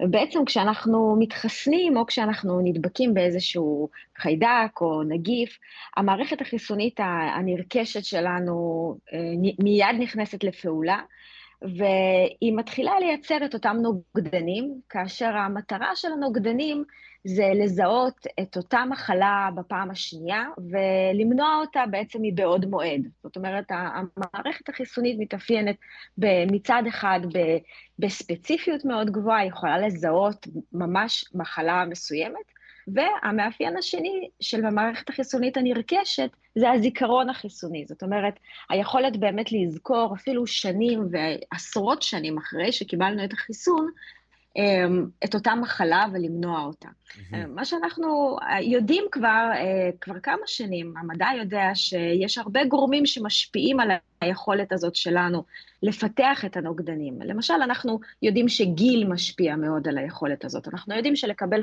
חיסונים בילדות זה הרבה יותר יעיל מאשר לקבל אותם בגיל מבוגר. הנוגדנים נוצרים יותר טוב. אנחנו יודעים גם שתזונה יכולה להשפיע וגור, וגורמים אה, גנטיים שונים. ובמחקר הזה בעצם בדקנו איך משפיעה אותה הפרשה חזקה ומסיבית של אדרנלין על uh, היכולת של המערכת החיסונית שלנו לפתח תגובה שהיא מצד אחד ספציפית, מצד שני ארוכת טווח. Uh, ובדקנו את זה בעצם על, על מודל של עכברים, שזה המודל שמשתמשים בו הרבה באימונולוגיה uh, וגם במדע ההתנהגותי. אה, ובעצם העכברים האלה נחשפו לסטרס אקוטי, כאשר אה, גם צריך להדגיש, לא מדובר כאן על מצב של כאב, אלא מדובר פה על, על מצב מאוד מאוד לא נוח. למשל, במחקר הזה, העכברים אה, פתאום הוציאו אותם מהכלוב שלהם, העבירו אותם לכלוב אחר שהיה מלא בנסורת עם ריח של חולדות. כן, זה, זה מכניס אותם ממש ללחץ, כי הם מאוד מפחדים מהחולדות, כן. ומיד מתחילה איזושהי, איזשהו תהליך של אה, הפרשת אדרנלין בגוף שלהם. והפרשת אדרנלין מעכתבת או גורמת להפעלה של איזשהו קולטן. אה, ו- וזה בעצם גורם למגוון תהליכים. עכשיו, את אומרת שחלק זה... מה, חלק מהתהליכים, את אומרת, הם בכלל טובים, כי הנה, זה, זה מייצר את הנוגדנים האלה, אבל חלק מהתהליכים לטווח הארוך הם לא טובים לנו. אז, אה, אז אנחנו חיסנו את העכברים האלה בשני חיסונים שונים, אחד מהם היה חיסון קורונה ואחד מהם היה חיסון לחלבון אחר, או ולבומין, זה איזשהו חלבון שמשתמשים בו הרבה כמודל. ובעצם שבוע אחרי החיסון, או יותר, יותר נכון תשעה ימים, אנחנו הפעלנו את אותו סטרס. למה עשינו את זה שבוע אחרי ולא באותו יום? כי אנחנו יודעים שהתגובה של הנוגדנים היא תגובה שלוקחת זמן. זאת אומרת, בגלל שזאת התגובה הנרכשת, לוקח זמן לייצר את הנוגדנים האלה, בדרך כלל כשלושה שבועות, אם אתה זוכר מכל החיסונים של הקורונה, אנחנו לא מיד מוגנים אחרי שקיבלנו את הזריקה. אלא לוקח שבועיים, שלושה, עד שהמערכת החיסונית מתניעה. Mm-hmm. ולכן עשינו את זה שבוע אחרי, וכעבור חודש אנחנו בעצם בדקנו מי איזו קבוצה מייצרת נוגדנים טובים יותר, הקבוצה שעברה את הסטרס או הקבוצת ביקורת. ומאוד הופתענו לגלות שהקבוצה שחוותה סטרס בעצם ייצרה הרבה יותר נוגדנים, וזה מאוד הפתיע אותנו, אנחנו לא, לא הבנו שזה מה שאנחנו, למה אנחנו מקבלים את זה. ורק כשהתחלנו באמת לנתח מבחינה מולקולרית את, ה, את התגובה של התאי B, זה התאים שמייצרים את הנוגדנים, אנחנו בעצם הבנו שיש פגיעה בזיכרון החיסוני, זאת אומרת, ביכולת שלנו בעתיד להגיב. אה, וזה, וזה בעצם אה, אה, מאוד הבהיר את, ה, את השאלה שאנחנו שאלנו, כאשר אנחנו שאלנו איך הגוף שלנו מגיב לסטרס מבחינה אימונולוגית, מבחינה חיסונית, והתשובה שקיבלנו זה שיש תגובה שהיא תגובה שקוראים לה fight or flight response, זאת אומרת, איזושהי תגובה שהיא אומרת, עכשיו, מהר, אה, תתמודד עם המחלה, תתמודד עם האיום, וזה בא על חשבון העתיד. עכשיו, כשאת אומרת העתיד, זה מה, היכולת של, ה... של הנוגדנים האלה להגיב לווריאנטים, למוטציות שונות של הנגיף, או אפילו לאותו זיכרון של אה, אה, הווריאנט המקורי ש... שכנגדו, או הווריאנטים המקוריים שכנגדם הם חוסנו? כן, אז, אז בדיוק אה, בעצם מה שאנחנו בדקנו זה היכולת להגיב לווריאנטים. ככה אנחנו בודקים את רוחב התגובה. זאת אומרת, התגובה החיסונית שלנו אמורה בסופו של דבר לכסות או לדעת להתמודד לא רק אותו אה, נגיף שהדביק אותנו או עם אותו נגיף שחיסנו נגדו, אלא גם עם כל מיני מוטציות בעתיד שלו. כמו שגם דיברתם באייטם הקודם, יש אה, באמת הרבה פעמים ברירה טבעית ואבולוציה של, ה, של כל היצורים וגם של הנגיפים, והנגיף לא נשאר אותו דבר. זאת אומרת, אם אנחנו עכשיו התחסנו, עוד עשר שנים אנחנו כנראה ניחשף למשהו שנראה קצת אחרת, והמערכת החיסונית שלנו אמורה לדעת להתמודד גם עם הווריאנטים. אה, העכברים שהיו בקבוצת הביקורת התמודדו עם הווריאנטים בצורה אה, טובה מאוד, ואנחנו גם יודעים את זה אה, פרקטיקה, אנחנו יודעים שהחיסון של הקורונה הוא חיסון שיכול גם להתמודד עם וריאנטים של הקורונה, של הבטא והדלתא וגם האומיקרון, אמנם אולי בצורה טיפה יותר חלשה, אבל בגדול אה, אה, עדיין יש תגובה. ואילו העכברים שחוו סטרס, שהגיבו 70 אחוז יותר לווריאנט המקורי, לא הגיבו בכלל לווריאנטים החדשים. זאת אומרת, הייתה תגובה מאוד מאוד צרה ו- וממוקדת, אבל בא על חשבון הרוחב. דוקטור פרוינד, עם מה אנחנו אמורים לצאת מהשיחה? אולי גם עם מה אתם יוצאים למחקרי ההמשך. האם אני צריך לשמור על רוגע, כי לטווח הארוך, כשאני בתקופה של קבלת חיסונים, כי לטווח הארוך זה יחזק אה, את מערכת החיסונים שלי, כי היא תדע לשמור את הזיכרון החיסוני, או שדווקא אני צריך לדאוג להיות בסטרס ולייצר אנדרנלין כדי לייצר כמה שיותר נוגדנים. מה עדיף? כן, אז אה, קודם כל, קצת סטרס זה, זה דבר שהוא לא, לא מזיק, כן? זאת אומרת, זה בסדר להפריש אדרנלין ו, ולחוש מעט סטרס, סטרס יש לו גם הרבה השפעות חיוביות על הגוף.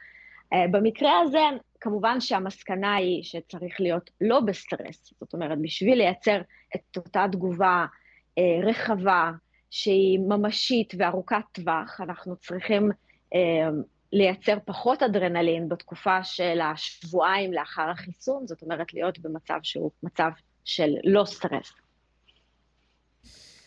הדברים, אה, אני יודע, להגיד ברורים. הדברים הם הרבה יותר ברורים ממה שהיינו בהתחלה.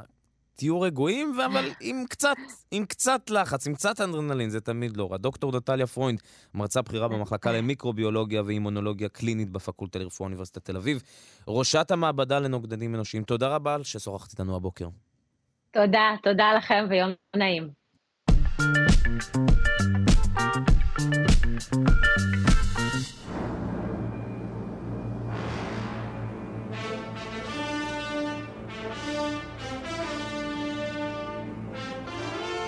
מדלגים אל אה, פינת התנ"ך, דוקטור אילן אבקסיס, שדרן ההסכת דברי הימים, אנשים, אירועים, יצירות, אילן abc.co.il. בוקר טוב לך. בוקר טוב למאזינים ולך, אמיתי, מה שלומך? אני בטוב, אה, אתה יודע, ביחס לימים. אה, ככה, אנחנו יומיים, יומיים לפני תשעה באב, ונראה לי שגם פינת התנ"ך תיתן כן, דעתה כן. על הנושא. היום אכן נדבר על חורבן אה, בית ראשון בשם תשעה באב שיחול בעוד יומיים. אה, אני מזכיר שישנם ארבעה מועדים בהם צויים לזכר החורבן. יום תחילת המצור על ירושלים, אה, יום הבקעת חומות ירושלים, יום חורבן המקדש ויום רצח גדליה. תאריך תשעה באב מתייחס לחורבן הבית השני. בתנ"ך עצמו יש תאריך, או ליתר דיוק, תאריכים שונים בנוגע לחורבן בית המקדש הראשון. עכשיו, בספר מלכים נכתב על חורבן הבית הראשון ככה, ובחודש החמישי, בשבעה לחודש, איש שנת 19 שנה למלך נבוכדנצר מלך בבל, בא נבוזרדן, אה, נבוזרדן רב טבחים ועבד מלך בבל ירושלים, וישרוף את בית אדוני ואת בית המלך ואת כל בתי ירושלים ואת כל בית גדול שרף באש. עמיתי, בואו נפרק את, הפר... את הכתוב קצת. כן. החודש החמישי הוא חודש אב. השנה מתחילה בניסן, כזכור, וחמישה חודשים מניסן זה חודש אב. עכשיו, חשוב להזכיר ששמות החודשים בהם אנחנו משתמשים הם שמות באכדית. עכשיו, ישנה אי בהירות מסוימת לגבי שמות החודשים בתקופת התנ"ך. נזכרו רק שלושה חודשים אה, בשמו המפורש, זיו, בול ואיתנים, ואני נמנה אגב על אלה הסבורים ששמות החודשים היו המספר הסודר שלהם. כלומר, החודש הראשון, החודש השני וכן הלאה, ממש כמו שאנחנו משתמשים היום במספר הסודר לתאר את ימות השבוע, היום הראשון, היום השני וכיוצא בזה. עכשיו, בשבעה לחודש, אה, כלומר ז' באב, שזה ממש היום, השנה ה-19 לנבוכדנצר היא 586 לפני הספירה, הוא עלה ב-605 לפני הספירה, נוסיף 19 נגיע ל-586. אה, נבו זרדן פירושו האל נבו נתן זרע, כלומר צאצא יורש, הוא שר הטבחים. שר הטבחים משמעו התליין הראשי, זה שטובח באנשים ולא השף הראשי, וכמובן יש קשר בין המטבח בו טובחים את החיות לבית מטבח חיים, הוא למעשה טבח והכל מאותו שורש. מה נבו זרדן, נבו זרדן עשה בירושלים? הוא שרף את בית אדוני. דוקטור אבקסיס, אם אתה יכול רק מעט לשפר את המקום שלך כדי שנשמע אותך טוב יותר, כי אנחנו אוקיי. קצת מאבדים אותך. אני אעזור טיפה. אז אה, מה נבו זרדן עשה בירושלים? הוא שרף את בית אדוני, את בית המלך, את בתי ירושלים ואת הארמונות השונים, מה שמכונה בית גדול. עכשיו, אמיתי, בחפירות בעיר דוד ובעיר העתיקה, ובעיר העתיקה, התגלו עדויות רבות לשרפה העזה שפקדה את ירושלים עם חורבנה. עכשיו, באופן פרדוקסלי, החום העז שרף את הבולות ושימר אותן. אה, בולה היא בעצם פיסת טין קטנה, שאותה מצמידים למכתב שקושרים אותו, ועל הטין מטביעים חותם כלשהו. בדרך כלל של השולח, על מנת לקרוא את הכתוב יש לשבור את החותם.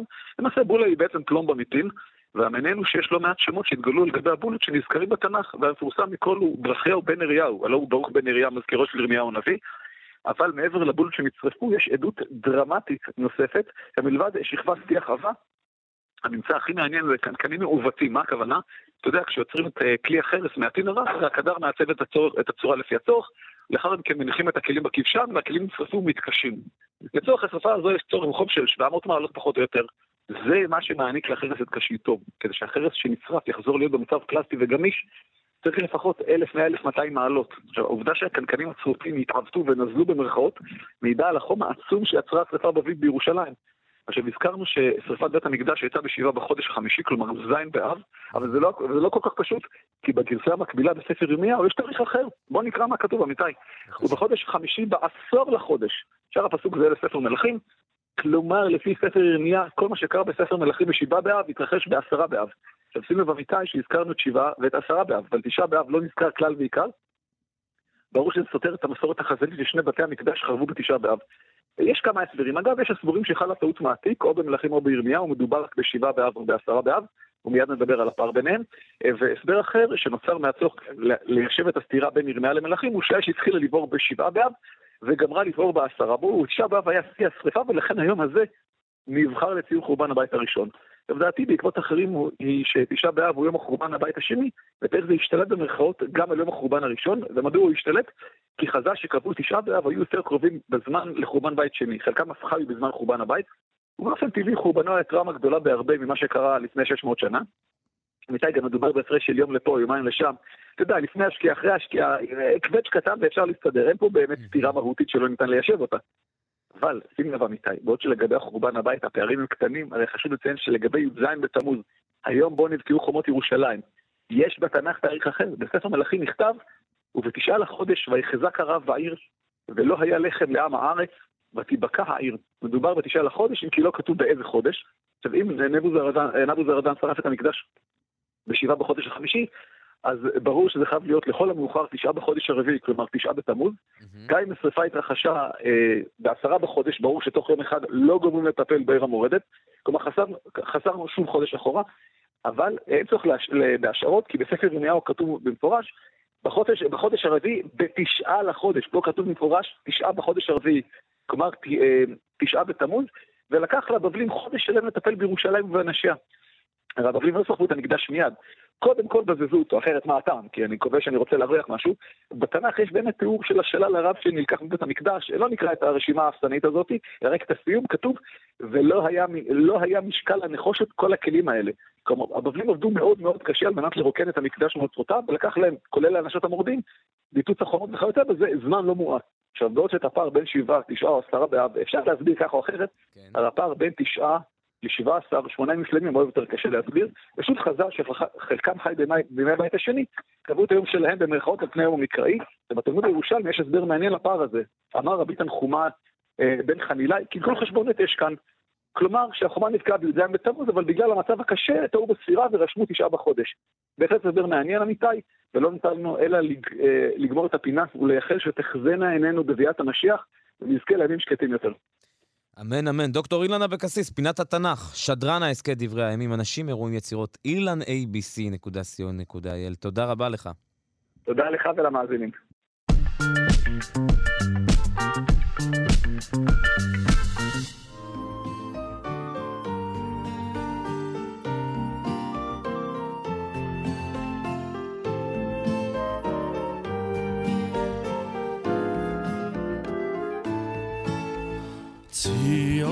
תמתי, ציון חמדתי, לכן נפשי מרחוק הומיה.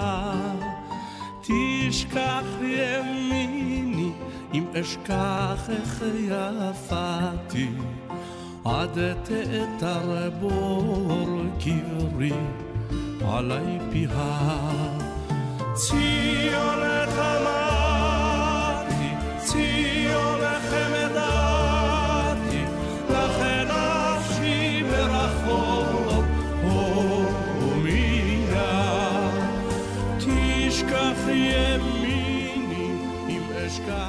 פינת הלשון עכשיו, אנחנו נגיד אה, בוקר טוב ללשונאית הבית, דוקטור סמדר כהן, בוקר טוב לך.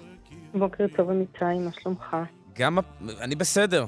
אה, גם הפינה שלך, סביב אה, אה, תשעה באב, ולא סתם, גם אנחנו משמיעים את, את גרסתו של יורם גאון לציון תמתי. כן, נכון. אז באמת אנחנו מציינים השבוע את תשעה באב, יום שמייחסים לו הרבה, הרבה עניינים, גם חורבנם של שני הבתים, בתי המקדש, וגם עוד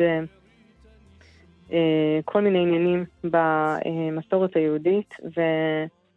מתוך שאנחנו מדברים על אה, חורבן, אז באמת אה, נחלק אולי את הפינה שלנו היום לשני חלקים. חלק אחד באמת נדבר לרגע על החורבן, ואחר כך נדבר על אה, ציון תמתי שהשמענו, והוא באמת שיר כיסופים לציון לאחר החורבן. השאיפה הגדולה של העם היהודי לשוב לציון, לשוב לארץ ישראל ולקיים בה את, את דתם, מורשתם, אה, מולדתם. אה, אז אולי נגיד משהו על השורש הזה של המילה חורבן.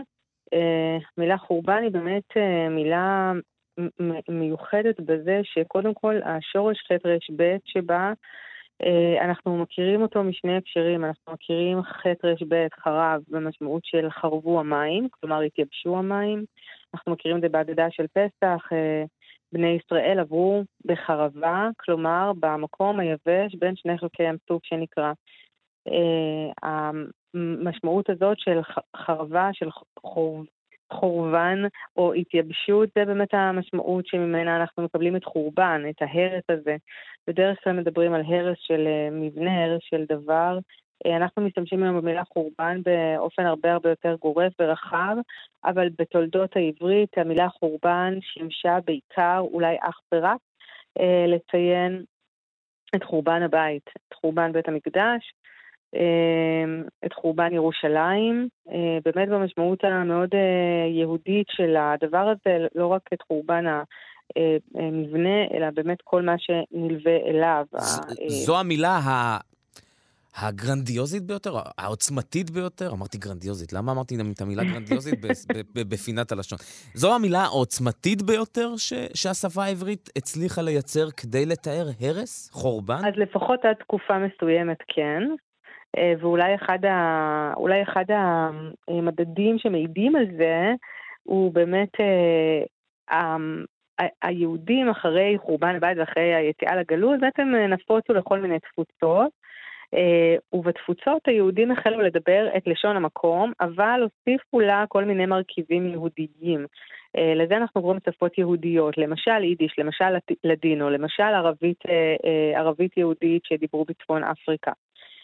אז באמת האלמנטים היהודיים התבטאו במילים עבריות, שבדרך כלל שימשו לציין חלקים יהודיים, כלומר של הדת היהודית, שמאפיינים את היהודים. אה, בתפוצות, ובאמת אנחנו רואים למשל ביידיש, שכשקורית השואה, מה שאנחנו קוראים היום השואה, אה, עדיין המילה הזאת לא נמצאת בקהילות אה, דוברות יידיש, והיהודים שם משתמשים במילה חורבן כדי לתאר את הדבר הנורא הזה של שואת, של שואת היהודים, בעיקר כי זה מה שהם הם, הם כנראה אסוציאטיבית, משווים את זה באמת לחורבן הבית, זה ממש דבר אולי הכי גדול, הכי עוצמתי ואולי גם הכי יהודי. יש בו איזשהו אלמנט כנראה שמציין את היהדות בתוכו. Uh, המילה חורבן, אנחנו מכירים אותה בעיקר באמת מימי חורבן הבית השני, שם היא תופסת uh, uh, הרבה נפח uh, בכתובים שלנו, אבל אנחנו ראינו אותה כבר גם בתקופת, אה, גם במאה הראשונה לפני הספירה, אה, אנחנו מוצאים אותה גם בתעודות ים המלח. בכל המקרים מדברת על חורבן בית המקדש, בשלב מאוחר יותר, בתוספתא, באזור המאה השנייה לספירה, אנחנו מוצאים אותה כבר גם בהקשר של חורבן של בתי כנסיות. שוב, בתי כנסת, מה שאנחנו קוראים היום. Mm-hmm. שוב, על אובדן או חורבן של מבנה שמציין משהו יהודי. זאת אומרת, באמת יש איזושהי הזדהות בין החורבן, זו, הדבר זה, הגדול והנורא. אז זה נורא מעניין איך דווקא אה, את, אה, את אירועי השואה לא השתמשו במילה חורבן, אלא דווקא הביאו את השואה, אה, אולי בגלל ה...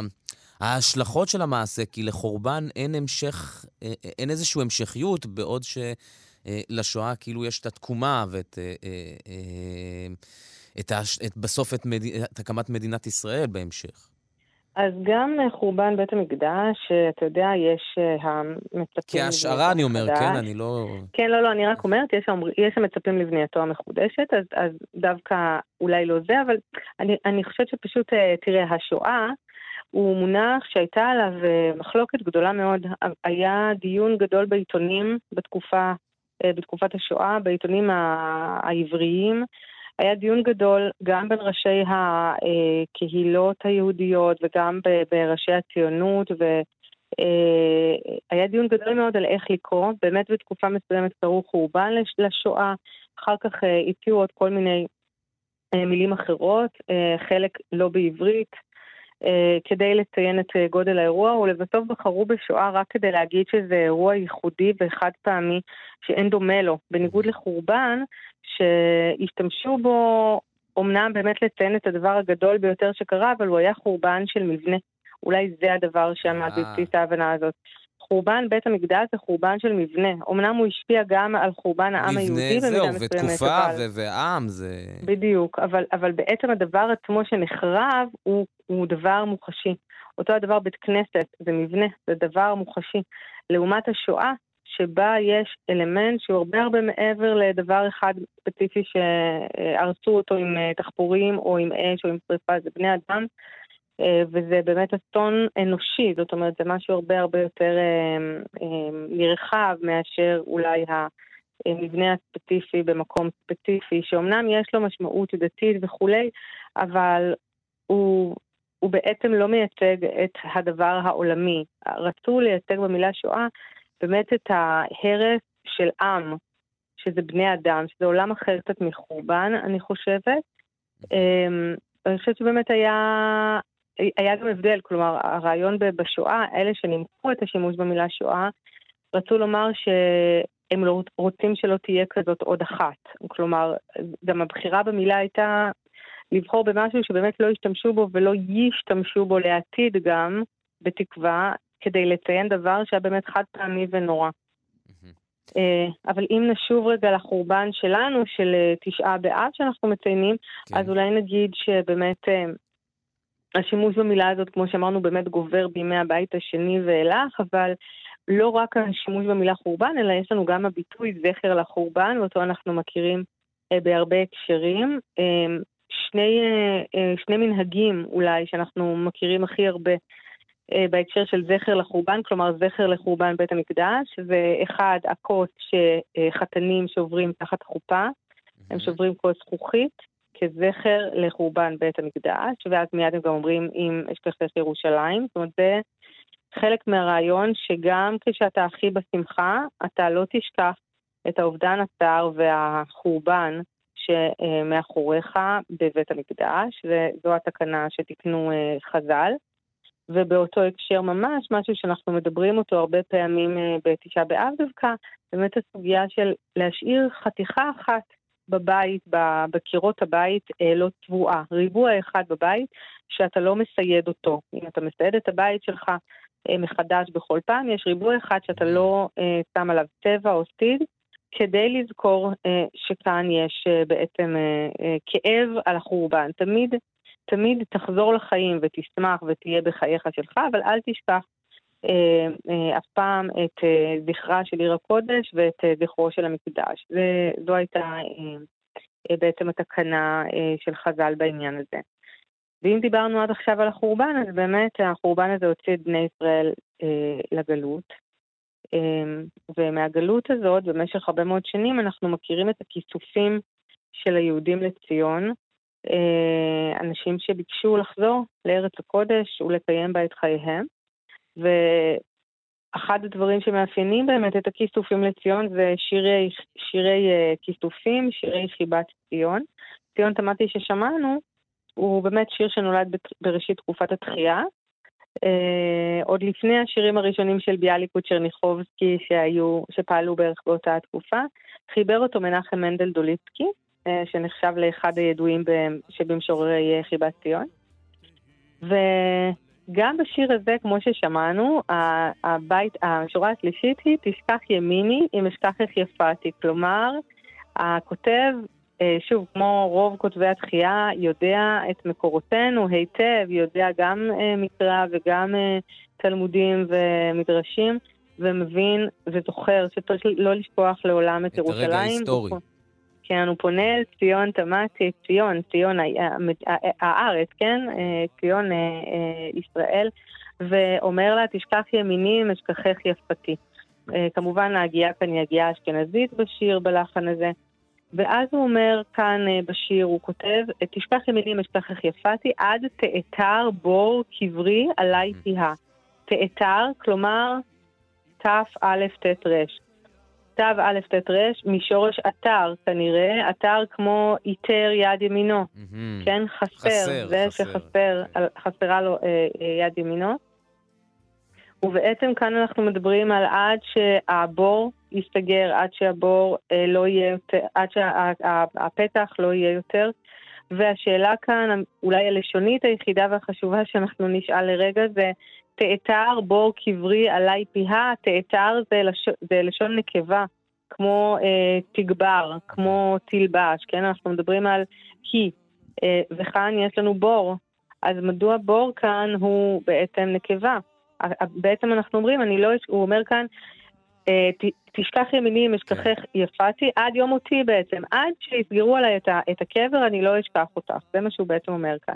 אז איך בור הקבר הפך להיות נקבה כאן? ומה שאנחנו פשוט יכולים לומר זה שכנראה, מכיוון שהוא באמת ידע מאוד אה, מקרא ומקורות, אז הוא זכר וידע את הפסוק בתהילים. שבו יש ואל תאתר עליי באר פיה, כלומר שלא תסגור עליי הבאר את פיה, באר היא נקבה, זה דווקא עובד. הוא פשוט לקח כנראה את הפסוק כפי שהוא מתהילים, והתאים לעצמו את באר לבור, כי הוא התכוון לדבר על קבר ממש, ולא שם לב שיש לנו כאן מעבר אה, בין המינים. דוקטור סמדר... כך כמובן אחד משירי ציון האהובים והיפים ביותר. דוקטור סמדר כהן, לשונאית הבית, פינת הלשון אה, אה, בחיבור לתשעה באב. תודה רבה לך. תודה לכם, להתראות. וזו הזדמנות אה, להזכיר שמחר ערב תשעה באב וביום חמישי, תשעה באב עצמו, נשדר כאן אצלנו ברשת כאן תרבות פרויקט שידורים מיוחד ישראל נגד יהודה. אה, פרויקט מיוחד על פיצול אפשרי של ישראל ויהודה, על השורשים ההיסטוריים, על הביטויים התרבותיים, על הזווית החרדית, והשאלה הגדולה, איך אה, מתג... מדינות בכלל מתגרשות בפועל, הלכה למעשה. יום שידורים מיוחד שכולו גם עלה הבוקר אה, כהסכת לאתר אה, כאן ולכל אחד מסימוני ההסכתים שלכם. מי שערכו את זה ומה יעשה לה ויובל אביבי, ממליצים מאוד גם להאזין מחר, מי שרוצה עוד לפני כן דרך אה, יישומון ההסכתים שלכם.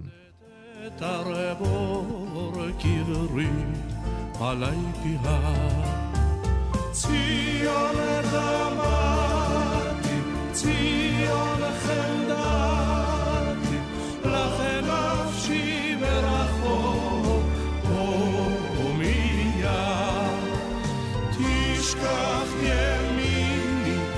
אשכח איך יפתי.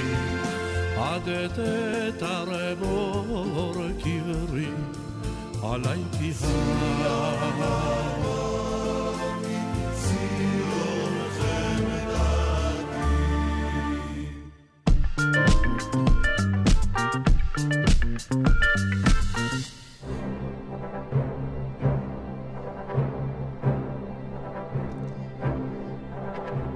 פינת הארכיאולוגיה כעת, במעבר חד עם פרופסור גדעון אבני, המדען, המדען הראשי של רשות העתיקות. בוקר טוב לך. שלום, בוקר טוב. פרסום שפורסם השבוע בתקשורת העולמי, העולמית, ארכיאולוגים במקסיקו גילו עיר שלמה, עיר שלמה של תרבות המאיה שנעלמה בג'ונגלים, ועד עכשיו לא ידענו על קיומה, היא לא הייתה מוכרת. זה מדהים, זה מטורף, זה, זה, זה פשוט מפוצץ את הראש, איך עיר קדומה, עבודה כזאת מתגלה עכשיו. נכון, זה אחד באמת היחידות, אתה יודע, בשבוע שעבר דיברנו בפינה על אינדיאנה ג'ונס, על ה... כאילו ארכיאולוגים שהולכים בג'ונגל ומפלסים דרך עם סכינים ומצ'טות, ופתאום אה, מתגלה איזה פירמידה או איזה מונומנט גדול אה, לנגד עיניהם. Mm-hmm. אז זה כאילו, כאילו מה שהיה עכשיו במקסיקו, אבל זה לא בדיוק ככה. כי גם כאן המדע והשיטות הטכנולוגיות החדשות בעצם אה, עושות חלק מהעבודה. זה מה שנקרא... רגע, קודם כל בוא באמת תספר לנו, בוא נתחיל בשלב הגילוי. זה לא היה איזה כמה ארכיאולוגים עם מצ'טות בג'ונגל? מה, יש, נעשית איזה סריקה לוויינית, משהו? איך, איך מגלים עיר כזו? אז זהו, זה חלק מאובדן הרומנטיקה. כי האידיאליזציה, הארכיאולוגים הולכים בג'ונגלים וכולי, מה לעשות, כבר לא קיים. יש לנו היום מגוון גדול של שיטות שנקראות חישה מרחוק. זאת אומרת, אפשרויות למפות אזורים שלמים גדולים ולראות בכלים טכנולוגיים מה יש שם על פני השטח. אז באזורי מדבר ובאזורי ערבה, כמו במזרח התיכון או במרכז אסיה, זה לא בעיה גדולה. לוויינים, צילומים טובים, בעיקר דברים שנלקחו משימושים צבאיים כאלה ואחרים, מגלים לך פרטים על הקרקע, ואתה לא צריך לנסוע ולגלות אותם בעצמך, אתה אחרי זה נוסע ו... רואה מה, מה הצילום הוא על לוויין גילה. Mm-hmm. אבל מה עושים באזורים של ג'ונגלים? שכל מה שרואים בצילום זה יער ענק, יער עד כזה. ופה נכנסה בשנים האחרונות, שוב, טכנולוגיה חדשה שנקראת ליידאו, שזה בעצם סוג של סריקת לייזר שמזהה לך את פני הקרקע גם מתחת לכיסוי ענק ועבה מאוד של עצים. וזה בדיוק מה שקרה כאן. בחצי האי יוקטן, אזור מאוד גדול במרכז מקסיקו, אחד מהריכוזים של אתרים של תרבות המאיה. במשך תקופה לא קצרה עשו את הסריקות הללו ממטוסים וגילו סדרה שלמה של אתרים, וביניהם העיר הענקית הזאת, שהייתה כל כך קשה לגישה ונמצאת במקום כל כך נידח, שאף אחד לא חשב ולא הצליח להגיע אליה. מה, מה, זה, מה זו העיר הזו? אנחנו יודעים משהו עליה? אז זהו, ואז הצילום מגלה לך אה, פירמידות, כמו שקיימות אה, באזורים אחרים במקסיקו, מגלה לך מבנים, מגלה לך אה, עמודים שמקיפים מבנים גדולים, וזה לוקח אותנו לתרבויות הקדומות של אה, מרכז אמריקה. אה, אחרי שיש את התיעוד מהאוויר, באמת ארכיאולוגים במשך חודש וחצי הלכו ופילסו דרך בג'ונגל, והיה להם כבר את מפת העיר. והתחילו לחקור את המקום הזה, וזה באמת אחד הערים הגדולות של אותה תרבות מאיה שהתקיימה פחות או יותר בין שנת 250 לשנת 900 לספירה. פיתחה ציוויליזציה מאוד מאוד מורכבת ומאוד מתוחכמת, עם יכולות בנייה גדולות, עם יכולות למשל אסטרונומיות. וידע מאוד מאוד גדול, ואחת השאלות המרכזיות היא, אז מה קרה להם? איך הם נעלמו? זהו, איך, איך הם לא נשמרו אם הם כאלה חכמים וכאלה? בדיוק, לאיפה הלכו האנשים האלה? ואני מנסה לשאול את זה בהכי פחות התרסה שאפשר. אז את התשובה המוחלטת אין לנו, אבל הסברות היום הולכות יותר ויותר לכיוונים של איזשהו אירוע סביבתי. תהליך של התייבשות, אובדן מקורות מים. היה להם גם חקלאות מאוד מפותחת לחברות הללו, שהסתמכה על הובלת מים. ואנחנו כן יודעים שבאזורים שונים של העולם, סביב שנת בין נגיד 600 ל-700 או 800 לספירה, היו אירועים אקלימיים כאלה ואחרים שאנחנו עדיין לא יודעים לחייל אותם במדויק. והיום הסברות לגבי מרכז אמריקה, ובאופן יותר פרטני התרבות הזאת של המאיה, משלבות התערערות של מצב פוליטי, אבל עם איזה שהם נתונים סביבתיים, פשוט באיזשהו מקום נגמרו להם כנראה המים. אז בסוף זה תמיד המשאבים, לעזוב. זה המשאבים. בדיוק, ואז הם היו חייבים, כנראה בתהליך לא מהיר בתוך יום אחד, אולי בתוך דור אחד, שני דורות, לעזוב, לעבור למקומות אחרים, אה, להצטמצם, חבל למדוד. שהם לא למדו מהאיראנים, כמו שלמדנו לפני שבועיים, על ההובלה של, ה... של המים. ואז אה, נכון, יכול להיות שאם היה להם את ה- היה איזשהו שיתוף ידע פעולה טכנולוגי. גלובלי כזה. כן, אבל בתקופה הזאת מרכז אמריקה ואסיה אירופה לא בדיוק תקשרו ביניהם. אנחנו מדברים אגב, על מאות שנים אחת, לפני עיר אחת. שמתגלה כזו, יכולה גם לרמוז איפה נמצאת עיר נוספת בסביבת מקום, או שזה לא בהכרח? כן, תראה, הטכנולוגיה הזאת עשתה מהפכה ענקית במחקר של המאיה, כי בעצם התברר לארכיאולוגים שמכירים רק עשרה אחוז ממה שבאמת קיים. ואני מניח שב-10, ב-15 שנים הקרובות, אה, זה לא כל כך קשור למחקר של אזורנו, אבל המחקרים באזורים האלה מאוד התפתחו. אה, פתאום מבינים שהציוויליזציה הזאת הייתה הרבה הרבה יותר גדולה ומפותחת ממה שחשבו, אבל היא פשוט נעלמה מתחת לג'ונגלים. באיזשהו שלב אנשים עזבו, אה, גבעו, מתו בגלל השינויים הללו, וכל המערכת הענקית הזאת, אה, שהולכת עכשיו ומתגלה בזכות הטכנולוגיות, פשוט נקברה, כוסתה על ידי הג'ונגלים, ועבדה ועכשיו היא מתגלה מחדש. זה אולי אחד השינויים היותר משמעותיים כשמסתכלים על הארכיאולוגיה של העולם ב-20 שנים האחרונות, ויש זרקוב גדול מאוד שהולך לכיוון מרכז אמריקה. פרופסור גדעון אבני, המדען הראשי של רשות העתיקות, תודה רבה לך. תודה, להתראות. זהו, וזה גם האות שמעיד על אה, סיום אה, שלושה שיודעים, סיום כל השעתיים אה, לבוקר זה, ה-25 ביולי. נגיד תודה לכל מי שעסקו במלאכה, אלכס לויקר שערכה, טל ניסן ולי צדוק שהפיקו, ודימה קרנצוב שהיה איתנו על הביצוע הטכני.